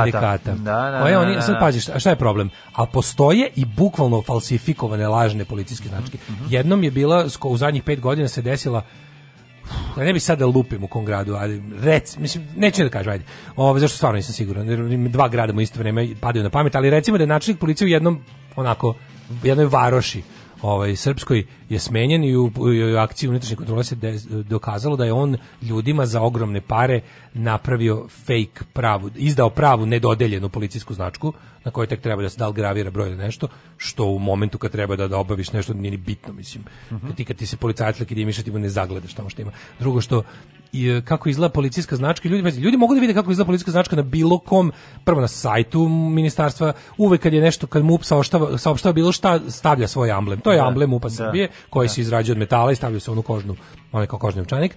I bilo šta što ima kao i kada se ministar policije obraća, uglavnom iza stoji džinovski taj ambulans. Da, vidi se, da. Mislim, ali ljudi, znaš kao kako se to radi? Mislim, šta sve ljudi kod sad kao grafički dizajner i neko ko se razume vizualne identitete, kao običnog čoveka kome to nije struka, ko nema trenirano oko ili ko ne zna pravila brandinga, da tako kažem, u ne. Da. dizajnu, taj ono zaista nije ni duže niti može da, da zna, kao što ni ja ne mogu da razlikujem vrste riba, ono nisam pecaraš, znaš. Ono pa kao, ako ti dođe ali lik što... u ono nekoj uniformi i izvuče da, to da, ispred da. tebe, ti neš da gledati broj. Nije čak ni lik pa u uniformi. mora, nego da ima taj kao neki... Ali te značke koje, kako se u rukama raznih sumnjivih ugodno i konkretnih, teških kriminalaca nalaze policijske značke. Znači, u 95% slučajeva to nisu policijske značke, da se razumemo. Da. Ali bi trebalo, Uh, trebalo bi da postoji Mislim sad ovo stvarno... Čekaj, zar nisu to značke policijskog sindikata? Šta će značka policijskog sindikata? Ne, je značka sindikata ne, rudara, metaloprerađača, radnika u gostiteljstvu, je značka sindikata radnika televizije. Ne. znači, to je, to je pravilno tendencijozno. Znači, to jeste pravilno tako da zbunjuje ljude. Jel ono kao, tu sad dolazimo do psihologije kao, zašto neko želi da bude policajac? Želi da bude policajac da bi terorisao druge ljude sa podrškom zakona. Mislim, zato 99% ljudi žele da budu policajci i da rade za policiju. I sad kao, kada ti ne možeš da terorišeš koliko bi ti volio jer postoji ipak neko ograničenje. Nije ti dosta čak ni to što te previše ti je to što te zakon ograničava, plus ne možeš da nosiš posao kući, plus ne možeš eh, i iako imaš taj posao koji imaš, ne možeš baš lepo da živiš od njega onako kako si zamislio, pa moraš da se pačeš i u razne radnje koje bi tvoj posao trebao da sprečava, e onda smisliš šta da uradiš. Onda recimo dok na vratima ono kao kada nisi na ne znam na zadatku ili ili tvom prijatelju koji s tobom zajedno čuva ulaz u neki mafijaški mhm. klub, a nije policajac ti jesi, ti njemu nabaviš značku sindikata. Da, da. Razumeš kao koju to je neregulisano. Značku sindikata smem ja da imam, jer mi je kao, da. sindikat mi se zahvaljuje što sam im nešto, nacrto da, da, nešto. Da, da što sam nešto lepo rekao njima. A to nije policijska značka. To nije nik, pošto policijska značka je jedna jedina. to je toliko jedinstven i ono kao kontrolisan i strogo zaveden ono kao znaš, on strogo u tim taj, taj, pa, to parče metala mora da prati gomila papirologije, ja. znaš, kao, tačno se zna. Mislim, pa, pa ko pasoš, mislim, znaš, kao, ti možda nabaviš pasoš negde, blanko pasoš, pa da ti ga vešte čovek ispuni kako treba. Da, da. A taj pasoš neće proći kad ga stavi u mašinu na, na graničnom prelazu, već da taj pasoš ne vodi nikuda. Da to da čitač ne očitava ništa. Tako bi značka trebalo da bude. Da. Sad što je fora što mi imamo taj tu mislim naša zemlja bez zakona javašluka i sivih zona koliko hoćeš oni ti svi policijski sindikati i ostalo Oni, oni uh, agencije za bezbednost to rade. Znači, security agencije, ovi neki prevoznici ovaj, ovih, kako se zove, ovo, novih transport pod nadzorom no. Da. Pa, privatne ove razne security agencije što prevoze iz ekspozitura banaka no. u da. trezor keš i tako to oni se svi ponašaju kao da znači uopšte to ti, ali to ti je to ti je pokazatelj uh, pojačane da. policizacije i militarizacije društva jer vidiš da to nigde to, to ne može to može biti problem samo u banana državi yes. da svako glumi sopstvenu policiju a sve se vanje više ti kad pogledaš te značke lik neki ima koji se bavi tim na napravi kolekciju preko 40 raznih značaka koje se u grafičkom smislu sa policijskom poklapaju preko 85%. To ti je u slučaju zaštitnog znaka dovoljno za tužbu. Da, da. da je to sad, da ja napravim znak koji liči na Adidasov preko 85%. Ja bi, ja bi platio kaznu. Razumeš? A sad a sa znakom Adidasa ne mogu da ulazim u kuće ljudima da ih zajebavam, pretresam, da ih zaustavljam, da ih da, da, da, pravim razne sranje pod izgovorom zakona. Pa to rade ovi mislim ekipa, ove te para, ove policijske Uh, formacije po Srbiku za koje on pretpostavljamo da uh, su oformljene zarad interesa nekih vladićih struktura. Sve fašističke ali, sve bande. Fašističke, pa da, sve fašističke da. bande su bliske sa tim policijskim sindikatima. Ti kad pogledaš Kako je pokazivo, to sećaš se Vacić se ekipom se Da, da, imaju. da. A, A oni to nisu, policijski. To nije bio znači. policijski sindikat, nego, nego je to bio opet neki što jako liči. To je bila privatna vlastima bliska tipa Znaš, ono kao neka nevladina organizacija za, kao, za proučavanje bezbednosti i procenu. Znaš, ono, Idiotizam potpuni. Da. Ti možeš kad napraviš nevladinu organizaciju, može biti bilo šta. Ti i ja imamo pravo ako smo, znaš, kako, to, je, to je merchandise. To je kao što ja pravimo naše šolje i majice. Možemo pravimo svoje znamke, možemo da lijemo svoje značke. Nađemo negdje ko će nam uradi i pravimo Daško i mlađa značke. I sad jedini je mali problem što bi u našoj zemlji ne postoji nikakav zakon, taj ta sama značka nije zakonom zaštićena. Odnosno verovatno jeste policijska legitimacija uređena zakonom, ali u grafičkom smislu sigurno tu ima neka ogromna rupetina. Čim ovi to rade? Pa ne, I čim a neće niko da zakrpi pa to radi, rupetinu. izvini, pogledaj. Radi ljudi bliski vlasti, razumeš to je. A zato ti kažem da neće niko ni biti procesuiran. To kad je to kad je gario iz da onom NS uživo i tim tako da. tim tim sitnim protuvama koje rade za vlast, kad im tako ispadne legitimacija, to je to da on može negde da zajebe nekog da da kad mu treba da nekog da slika nekog da bi kompromitovao nekog, da bi ga kačio po tim režinskim portalima. Sve te protuve imaju i to im nabave nešto što jako liči na pandursku ne. da bi ono da bi prošli kod neka kaže dobar dan treba mi da iz vašeg dvorišta fotkam nešto. Ja sam iz policije. Razumeš, ti posle porekneš da si rekao da ti, ti, bi, da. ti, bi da, ti kad izjaviš ja sam iz policija nisi, to je zatvor. Razumeš, to je lažno predstavljanje ne. Da. najvišeg reda, najgore greda.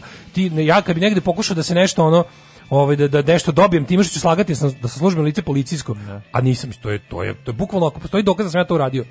To je, to teško krivično delo, razumeš? I onda je ono kao ti ti sada kad ideš tom kao maz, e, značkom, ne znam, organizacije za bezbednost Srbije, i ti, znaš, ti kod običnog čoveka, znaš ti kakve su se oni, da, kako naravno. su se oni sranje mogli da obave. Drugo, ti likovi koji, kojima, je to, kojima je to na neki način e, kartica za izlazak iz zatvora. Jer ja sam apsolutno siguran da čak ni svaki policajac koji ima značku, nije u stanju da na brzinu nekoj frci da kad ovaj kad treba nešto da izvrdeš onom konač komotno možemo da pokaže kaže da ima ima tih značaka kod kojih je poklapanje ogromno taj neki policijski svi policijski sindikati izdaju kao značke pošto kao oni imaju neke uposlenike koji su birokratija sindikati tako da su njima oni vole njih doki to su liko nema nikakve veze s policijom nikakve ne da policijski sindikat nema veze sa zvaničnom policijom. To je udruženje radnika policije, ako naravno policajac nije radnik ni po čemu, ovaj i nema ni ne može da se poziva na radnička prava, niti će ikad biti deo radničke klase, nego njen tlačitelj i ovaj dušmanin, ali ono kao ovaj radi se o tome da je da je oni oni kao pokušavaju znači time da, da jednostavno to kod ljudi izaziva valjda osjećaj pripadnosti i moći. Pa naravno, a kod prošlost konstu teško zloupotrebljava. Kod ljudi kod koje dolaziš i pokazuješ im, kod njih izaziva ono strah, mislim, ono a, i e, spremnost da prihvate ono što god ti si došao i da isporučiš. Pa, pazi, ti si tu treba da obaviš neku Ali, psinu kad i ti ćeš obaviti sad mi kažeš da nacrtam, pa hilju puta sam video o, značku policije, to je taj amblem koji stoji iza Siniše, o, o, iza ove, ovaj, Neše, kada stoji pa je pričao do sad dok je bio ovaj ministar policije i ali je recimo sa kad bi trebalo da ga nacrtam ne znam, ali onaj koji bi znao da nacrtam znao bi policije San Franciska zato što sam toliko puta da, video da, film da. kada ovaj prljavi Hari kada na kraju ha, prljavi Hari uzme i baci svoju značku u, u, u vodu tamo nakon što rokne onog ovaj onog serijskog ubicu da, snajperista. Skorpija. I Skorpija. E to znači taj taj znam kako izgleda, zapamtio sam, al ovo onako ovo mi je nekako A zašto je fora? Policijske značke ostam u tim nekim u Americi. U Americi je fora da ti imaš u Americi tek ali znaš kako u zakonu u Americi uređen ti tamo imaš Amerika tek slobodno tržište svega i svačega. U Americi svaka lokalna PD, Police Department ima svoju značku, možda je u dizajnera kako hoće, ne postoji univerzalna. Postoji maršalska značka koja je savezna, postoji FBI legitimacija koja je uniformna za svih 50 država, ali lokalne policije imaš state PD, imaš ono city police department, imaš imaš state, imaš, znači američka policija je toliko zamršena kako je ono da. ustrojeno i to sve, da ono kao lokalni sheriff's department može bukvalno da imaš, gledao sam ono kako pogreška American kao police badges, to je kolekcija od nekoliko tu, tu sigurno desetak hiljada raznih dizajnova postoji ali svaki od njih ono kao postoji da ako, da ako postoji nešto slično, ti ne možeš da praviš komercijalnu ili nekakvu svoju da. zebanciju koja liči tu. Ima tamo da se kupe dečije policijske značke, svi smo ih imali kad smo bili klinici, ono od da one da, sjajne da, plastike da, to da. sve, pa se napravi kao da liči nešto, ali je, znaš kao, uh, ukoliko se na, tako nešto koristi za bilo kako krši, to, su, to bi trebalo, znaš, znaš da bi svako ko, ko je, za koga se dokaže da je, ti sad ne možeš čovjeka, na primjer, ukoliko si ga uvati u nekakvu kriminalnom delu, pa mu nađeš u posjedu tu značku ti ne možeš njega po zakonu da optužiš za, zato što to ima. On je mogao sam sebi da izlije to, razumiješ, to nije prekršaj. Ali je kriv ukoliko je to koristio da bi yes. se predstavio kao policajac. I to je jako teško dokazivo. Da, I sad da. šta tu treba raditi, pojma ja ne znam kako je, ja ne znam to za Ameriku kako izgleda, a znam recimo isto da u evropske policije su mnogo više uniformne i mnogo više je ona glavna državna liči da, no, zato, lokalno. zato postoji pravilo službeno pri, pri prilasku policiji šta mora da kaže. Ne, zbog toga to tako i treba, pa da, da, da, da, da, pa da, da, ali kako ti sad građanina da upoznaš sa svim time da kao policajac kako, mora da ti kako kad i sami građanin, policajci pa i sami policajci se toga ne drže kako običan građanin da koliko, da skonta recimo da čovjek koji je obučen u neku crnu vojno na sebi ono neki onaj džemper NATO, mm -hmm. recimo dođe ono, a on je iz igrom slučaja ovog iz patrolnih šapa, što bi rekao naš da, kolega. Čuta. E, čuta, da. da. da, da, i dođe i pokaže to običnom čovjeku pa mi se običan čovjek će reći ono, da evo ga došao pandur civilu. Razumeš koji je ono na tajnom zadatku, tako će izgledati. Mislim, neće pretpostaviti da se radi o o ono desničaru koji ono funkcioniše ovaj pod sa, sa blagoslovom države. Razumeš to? Zna, to ima još jedan mali problem. Ta ta ta inače naš trend, znaš kako je to bilo strogo u SFRJ recimo, što sve policijsko i vojno je bilo pičku materno strogo kontrolisano. Znači ti bukvalno, znaš da, je bilo kontrolisano znaš pa ti Da, znaš ti da u kao u SFRJ nisi mogao da, nijansa boje koja su bila farba na vojna vozila nisi mogao da ne nabaviš. No. Ništa nisi smeo da ofarbaš tom bojom. Nisi nisi mogao da imaš kao sami se diglo da imam a, da auto ofarbam S tom da, SMB da. Boje. Nisi mogao. Da. I sad kao to je bila varijanta da ne bi bilo do ovakvih stvari. Isto pandursko plava je postala, uniforma je bila bukvalno neko neko neko nekopirljiva, reč. Da. kao da nije, nije bila moguće za kopiranje. Ali je, kao danas, pa, naš, kako naša policija, to tren, tren, trenerkiranje policije. Prvo kako izgledaju, eh, policija ima nekoliko tih raznih uniformi, komplet za ovo, komplet za sve su manje više, onako stvarno izgledaju kao da su kupljene u Decathlonu. A pa dobro, Znaš, da, ono, I onda kao, a na to sve, nije zapadne na to sve, da uzimaju kao neke reslove, ono. Da, da. Ali na to sve imaš i ove gomilu tih nekih sada relativno skoro uvedenih kao tih kobri, žandarmerija, OPT, i sve, i sve su nekako, Na to sve ti imaš i od države. Ja pogledam na samo ponašanje trenutnog ministra policije ex vojske. Da. To je čovjek koji je civilno lice ceo život i to će biti ali ta budaletina jako voli da izgleda kao vojnik. On sam uvodi zbrku.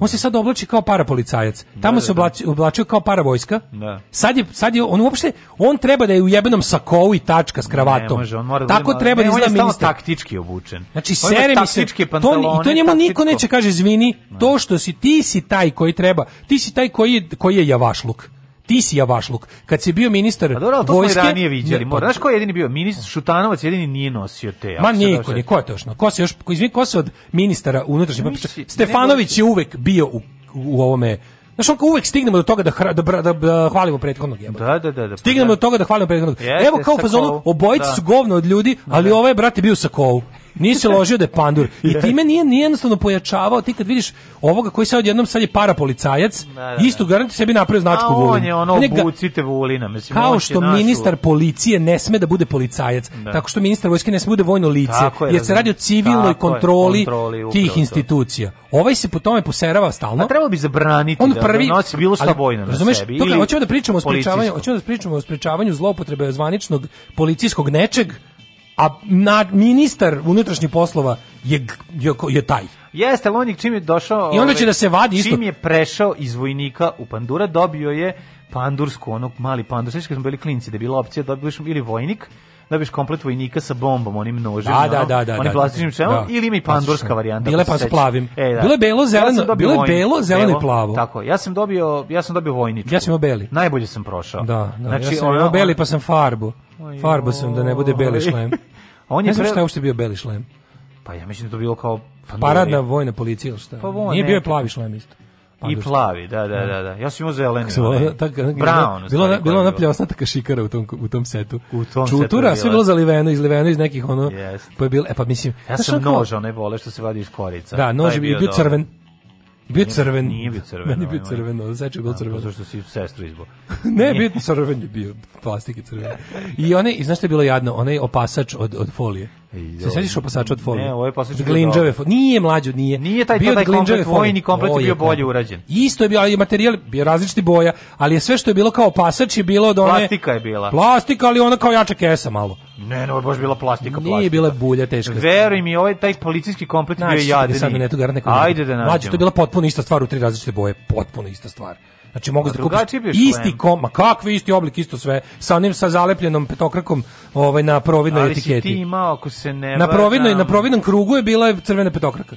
Da, ali se, si u padarskom kompletu si imao pendrek. Moj, I ima si svugde sve. Nije bio pendrek u vojnom, nemoj me nervirati, imao sam vojni, znam šta sam imao. Ja, ne, ajde nađi.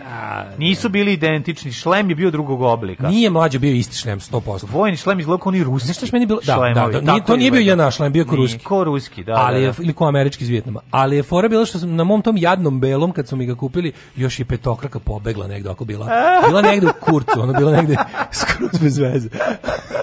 E sad, a pazite, pa si imao ves, mesto da kop... Ne, a voli se ponaša kao da mu to nisu kupili kad trebalo. Ono. Eto, upravo to. Znaš, upravo to, nije to bilo para to. za to.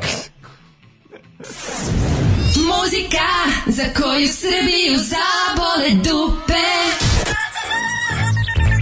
Alarm sa Daškom i Mlađom.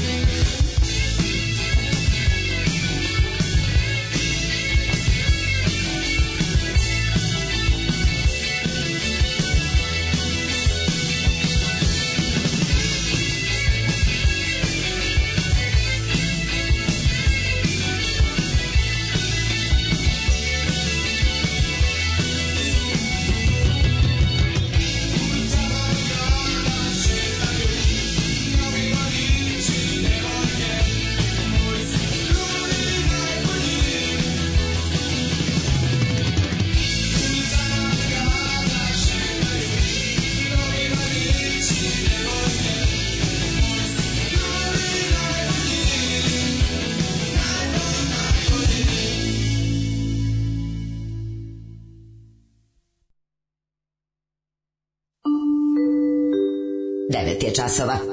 Radio Taško i Mlađa. Prvi program.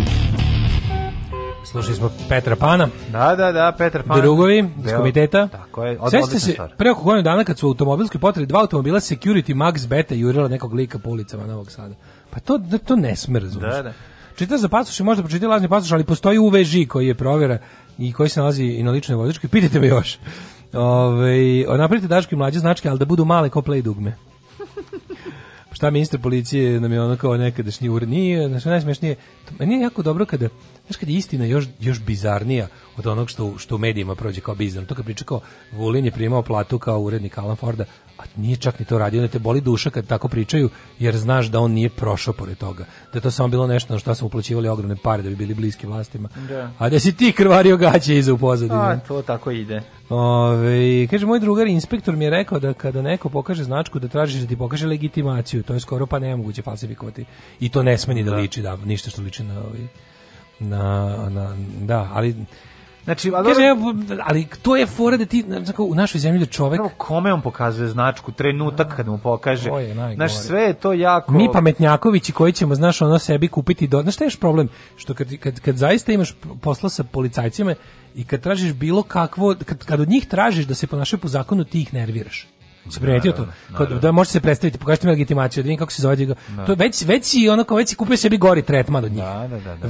da. da, a zato što sve oni to nisu uradili, to treba da uradi po defaultu. Naravno, ali ti ćeš u On to treba da uradi čim živeo u policijskoj državi, da. znaš da živeo, živim. Pa živeo da. duže vreme, pa mislim sjeti se 90-ih pa, je to bilo majkom, onda da, od 2000 do 2010 je mogu svako te hapsi. Od 2000 do 2010 si malo manje viđao policiju, osim ako je bilo posle ubistva premijera. Ovo je jebeni. Tu je bio još jedan Ovo je bili napredak u odnosu na 90 kad su ono kao razni četnici paravojni hapsili ljude po gradu. Šta ti bre pijana policajca su ne došli nama nego. klincima znači ko zna odakle su došli sa, i sa ratišta, iz čega, znači repetirali su kalašnjikove, šta vi tu radite, da, da, da igrali da, fudbal. Znači ono uopšte nije bilo Ne kao razmišljao sam da, su mogli kao, koliko puta sam bio, koliko puta sam bio hapšen e, i privođen 90-ih, ono nezakonito. Bar sam imao sreće da to obavila prava policija. Gde je neko mogao ja, da pa zna da sam. A ono kao nisu nisu došli, nisu poslali neke četnike, neke da. ono srpske osvetnike ili ono da. naš krvavu krajinu da mi da mi da mi privede pa da se više nikad da više nikad me niko ne vidi, ono, ili ili moji roditelji, ono.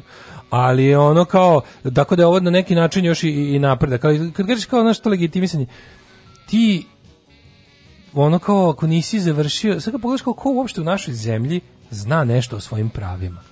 A to, Znaš, to, je, to, to je nešto o čemu sirote da razne posao. pravničke nevladne organizacije moraju da izdaju pamflete i pamfleti to dospe do 0,1% stanovništva. Mm. To mi koji smo nešto kao obrazovani imali i ustavi prava građana, to kao interesuje nas tako nešto već po defaultu da imamo to mislim 90% naših ljudi u fazonu država, policija, useravanje, čao. 90, Uniforma, 90, kleči, ne, moli, preklinje ono. 90% naših ljudi želi da izbegne bilo kakav susret sa, A naravno, sa pa, pa i straha je. Zato što zna kako funkcioniše i ono. Ne samo to, to su to je ono kao tipa kad se policija interesovala za poštenog čoveka da, i slične gluposti. To, Oni da. jednostavno to percipiraju, znači za njih je Znaš, ono što kaže Bad Legend, the voice of God is government. Mm, da. Za njih je ono to kao, policija je za njih pesnica države i nemoj da te država dira pesnicom. Znaš, jednostavno ono gotovo.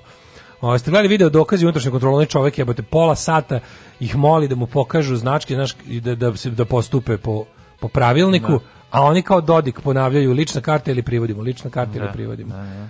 Jeste. Ovaj šta hoćete Vulin ima uniforme kad bi ministar socijale. ba baš to, da. Ove, ovaj, e, Policajac pričao da treba da njegovu službu prebaci iz policije u vojni sektor. Bio je očan jer će izgubiti značku. Kaže, sa značkom ti je svuda super, prođeš kolima da god hoćeš. A pa to je fora, znači, sećam se jednog pokušaja u našoj omiljeni kafani koja je napunila 29 godina juče. Ove, Jer jeste, odnosno, ili prekiče, sad nisam siguran. Ovi, mm, da, tamo se desilo da je na jednom koncert pokušao da uđe čovjek sa značkom.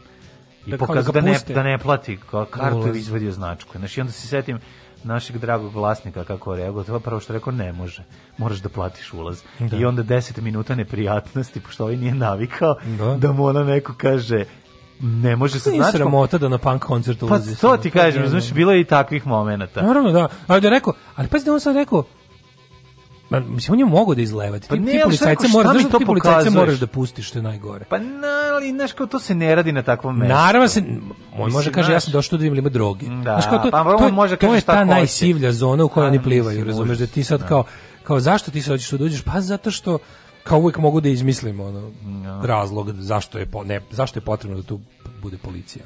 Da, Sad da, da, da. to tretira kao šta je u stvari, to je, šta je kafana, to je javni prostor.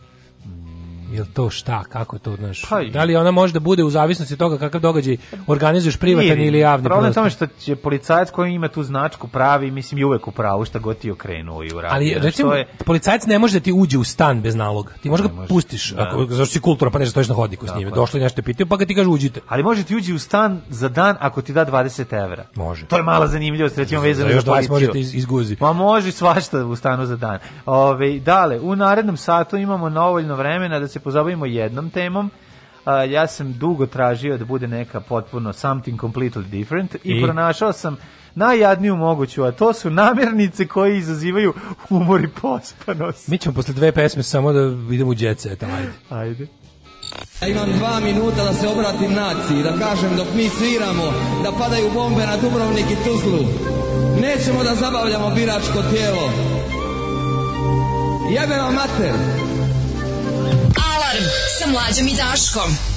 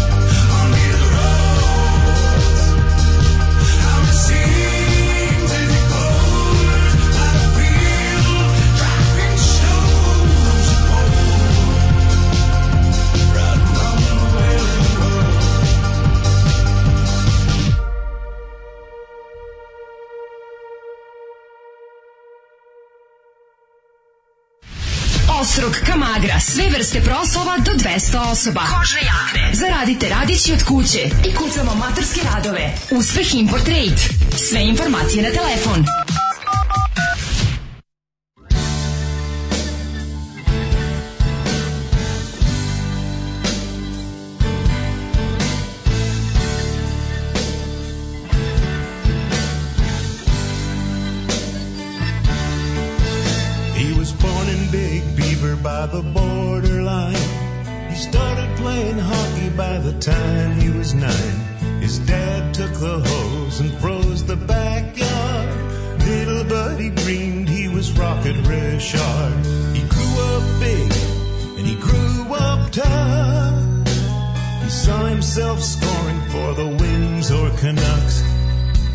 But he wasn't that good with a puck.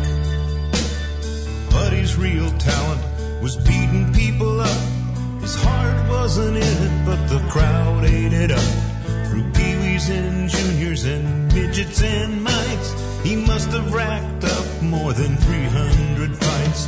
Till a scout from the Flames came down from Saskatoon. Said there's always room on our team for a good Son, we've always got room for a goon. There were Swedes to the left of him, Russians to the right. A check at the blue line looking for a fight. Brains over brawn, that might work for you. what's a Canadian farm boy to do? It's somebody. What else can a farm boy from Canada do? It's somebody. What's a Canadian farm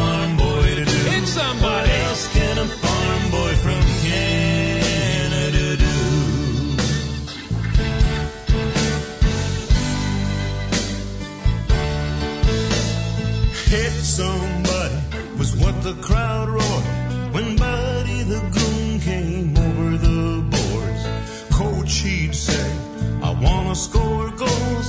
The coach said, Buddy, remember your role. The best guys get paid, they shoot and they score. Protect them, buddy, that's what you're here for. Protection is what you're here for. Protection it's the stars who score. Protection. Go and kick somebody's ass. Protection. Don't put the biscuit in the basket just to hit somebody. It rang in his ears. Blood on the ice ran down through the years. The king of the goons with a box for a throne. A thousand stitches and broken bones. He never lost a fight on his icy patrol, but deep inside, Buddy only dreamed of a goal. He just wanted one damn goal. There were Swedes at the blue line and Finns at the red. A Russian with a stick heading straight for his head. Brains over brawn, that might work for you. What's a Canadian farm boy to do? It's a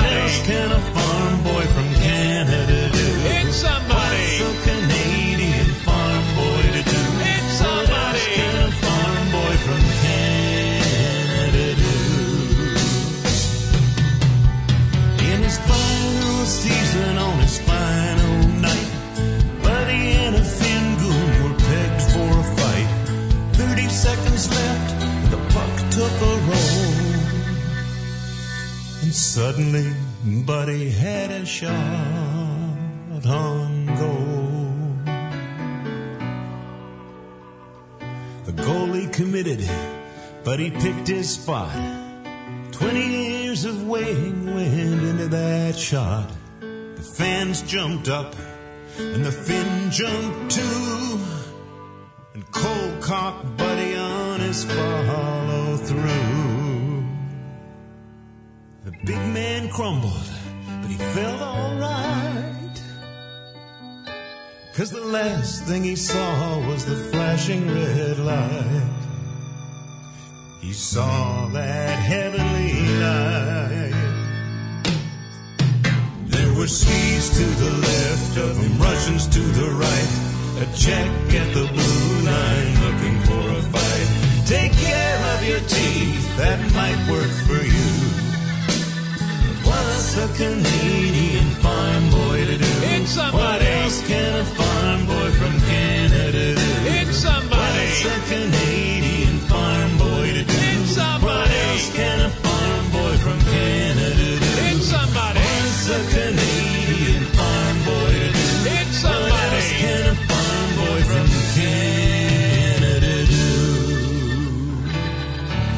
Warren Zevon, Hockey Song, Hit Somebody. Da, tako je. Ovo, ovaj, šta drugo može jedan mali mladi kanadjanin? Nego da raspizdi. Nego da ga pukne u glavu. Pa da. da.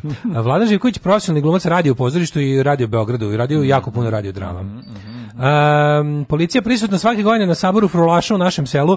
Ako je neka tuča flašama ili kočevima ne mešaju se, reaguje samo ako im neko pijan zapiše pandurski auto ili ujede za nogu Vendi dok peva pod šatorom. Najbolje kad je bio fight. Zna se šta su, ovaj, kako se zove, prioriteti. Najbolje ja, kad je bio fajt u jednoj od lokalnih kafana, malih poznatim po, ono, po ozbiljnim fajtovima, a pandurska kola parkirana ispred, stoje dva pandura i izlazi neko i vikne policija i ovi brzo sednu u kola i, I odu. I odu. Nismo mi. Pa to je najbolji pa moment. Se smešaš. Pa, to je, pa gde ćeš da ulaziš bre, ono tamo da. Jako sam volao kad mi gmazovi na ulazu u lokale traže ličnu, a ja 30 godina, ovaj, kaže, pa krenem da im tražim potvrdu da su oni obezbeđenje tog lokala da im objašnjava kako nemaju pravo svakako da me legitimišu. To su ličnosti od autoriteta wannabe. Mm -hmm. e, opasno ste zapostavili treći sat, a tu uvek zasijete, plus je za Daško zdravlje, dobro da smanjite drugi, a povećate treći. Nismo, uglavnom je sve to okej, okay, ovaj, sad jednostavno da hteli, tako, ne hteli. Ovaj... Naša lagana košuljica, da ne kažem naša, naša ovaj, ova, malo ne košulja veća danas, mm -hmm. pa zato. Danas smo mandulandara pišore, ali Neka, dobro. Neka, šta i treba. U redu je, takav je dan. A, ove, nego sam teo da ti kažem da te uvedem u Jet Set Lagano, ima ga dosta. Yeah.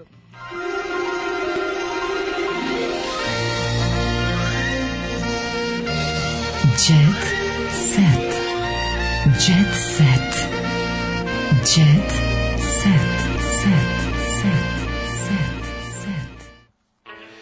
crnohronični je kod mene, ovaj preminuo otac Darka Lazića nakon operacije, ovaj sužavanja e, stomak navodno ovog želuca.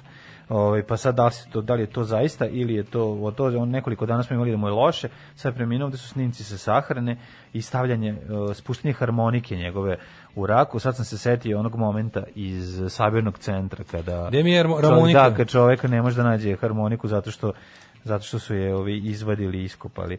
Uh, mere na snazi, oni reklamiraju nastupe za doček, ovo je bruka. E, meni je to potpuno pa, neverovatno. Pa, znači, da. nešto ono, u redu, ali kao zašto, kako... Pa ne, ali kako kako ne shvatate? Kako može, mislim, kako da ne shvatate da ne smete da to reklamirate? Znači, mene da, mene kao već me boli dupe. Da. Znači ja mislim pošto ne postoji, pošto niste zakonom to uredili, znači svako je ono valjda slobodan da sebi odredi šta će kako će, ali kao da se to promoviše toliko, da to bude znaš kao to to ne, ne može se, mislim ne mogu ni da glume, ne, da ne mogu, da, ne, mogu oni, ne mogu oni da glume red i mir i zakon i poredak i i progres i ostalo. Kad su oni jebeni džiberi i to ni, če znači on mora da vidi pevaljku za novu godinu i stranu žestinu da pa plati. On, mora inače da umre. Mora. Više nego od korone. Mora kao što mora da za Nikoldan ide se ono, ono, ne mogu ja kad je Nikoldan, znaš, ne mogu ja to kao pa ali nema ali Nikoldan, a dobro. Tako da, ovi ovaj, pretpostavljam da problem u tom, nije mi nije problem da razumem da će oni mimo toga to sve organizovati, to mi je jasno. A taj moment da. da će da stave i plakate, to je baš kao... Da će da dave, time svaki da, promovisan, da. znači ja na mom Instagramu, koji je uglavnom bio prepuno taktičkih pa nije, gluposti. Pa zar pa nije dovoljno, znači, ali u ekipi je dovoljno samo napraviti ono tipa tajno je. Pa svi će hteti da idu kad tamo. Vrtim Instagram, kad vrtim da Instagram, da kažeš, dovoljno kažeš kako tajno je, tajno, biće gotovo. jedna velika zvezda. Odmah, srpsko Nova Gorica 72. Ali pazi, kažeš tajno i biće jedna velika zvezda. Tako je. Pa mislim, znaš, ono kao šta kažeš sa ono, i slažeš Dovedeš bilo koga svi će doći. Znaš što mi je najluđe bilo? Stojim Znaš, na... imate najbolju priliku moguću da zaradite pare i da platite pandurima kad dođu da vas izlegitimišu i da kažu šta je ovo, šta neće se dešava. Pa neće doći zašto će to svi biti pokriveno. 90% gostitelja su njihovi, to je dio. Tako je. Takvih, onda, takvih gostitelja. Pa naravno. Ja. Ali je fora su ga vidiš na Instagramu, znači dođeš na Instagram, samo Instagram, on ti ono kao pravi po onom što si gledao. Samo meni, meni nudi uglavnom neke gluposti iz Army Shopa, alat,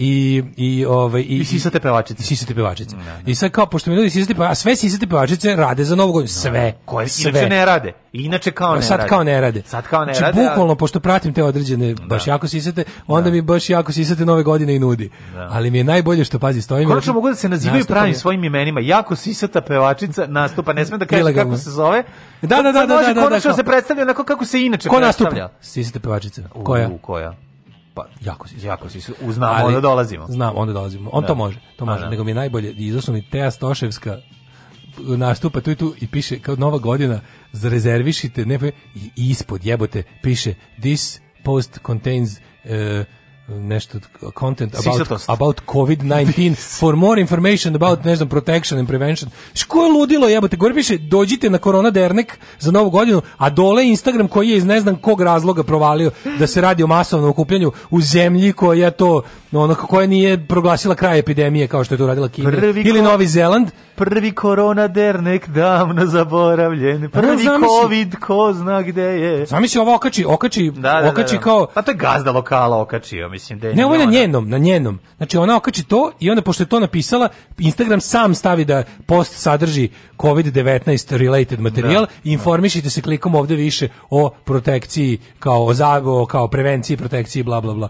što to ludnica? A ona promoviše Znaš kao nastup svoj. To da je bukvalno to kao da okačiš ono naš no. kao kada kao kad na ovim ateističkim videima koje gledam piše ono bude svi sponzorni oglasi budu kao come to Jesus. To mi je potpuno genijalno. Svi, kao gledaš predavanje Richarda Dawkinsa, ne znam da je, svi ono kao kad, kad, kad, ti upadne vide, upadne ono, ne znam, ono Second Baptist Church of Ohio poziva vernike u mega church ovog, ovog petka, ono.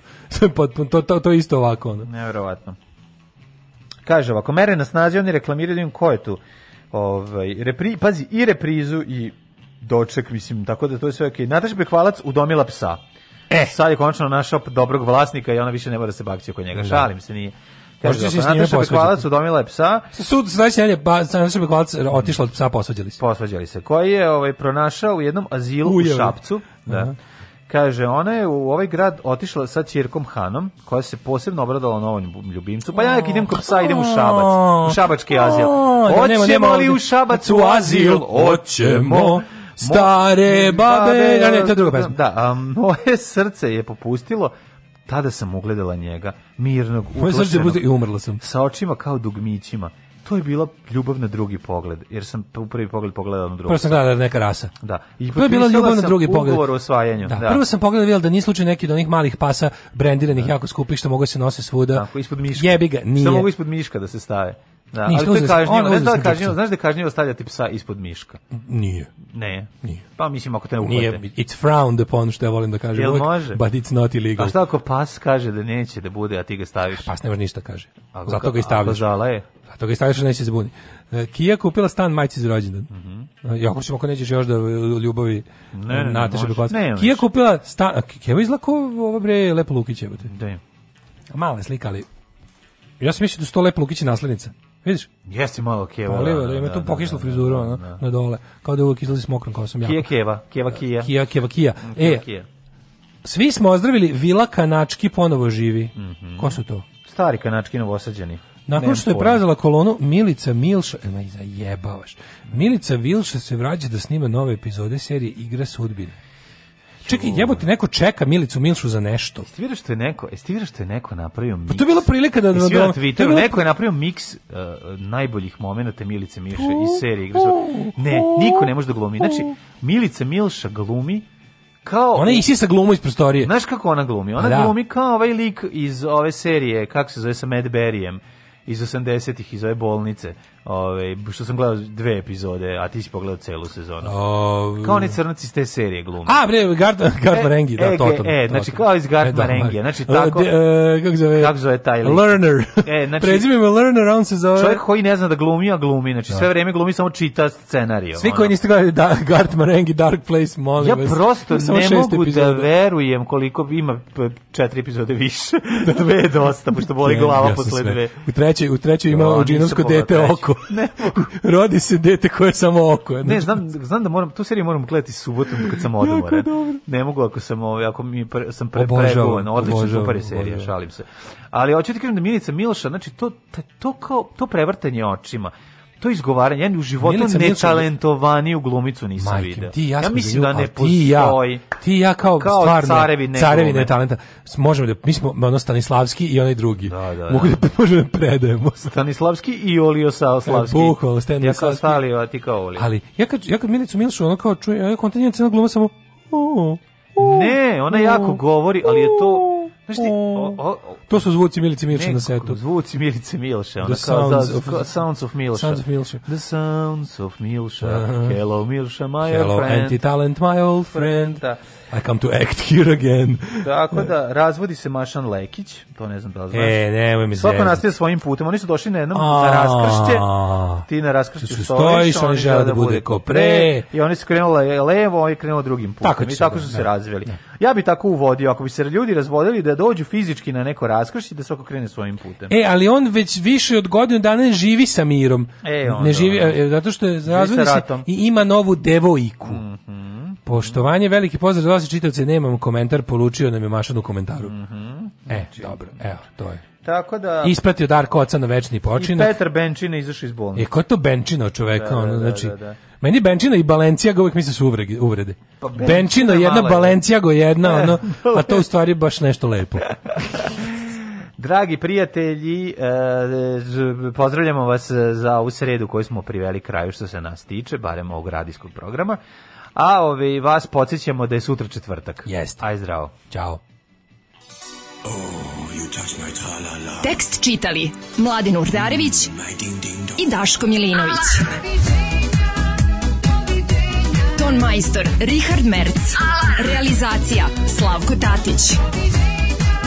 Urednik programa za mlade Donka Špiček. Alarms svakog radnog jutra od 7 do 10.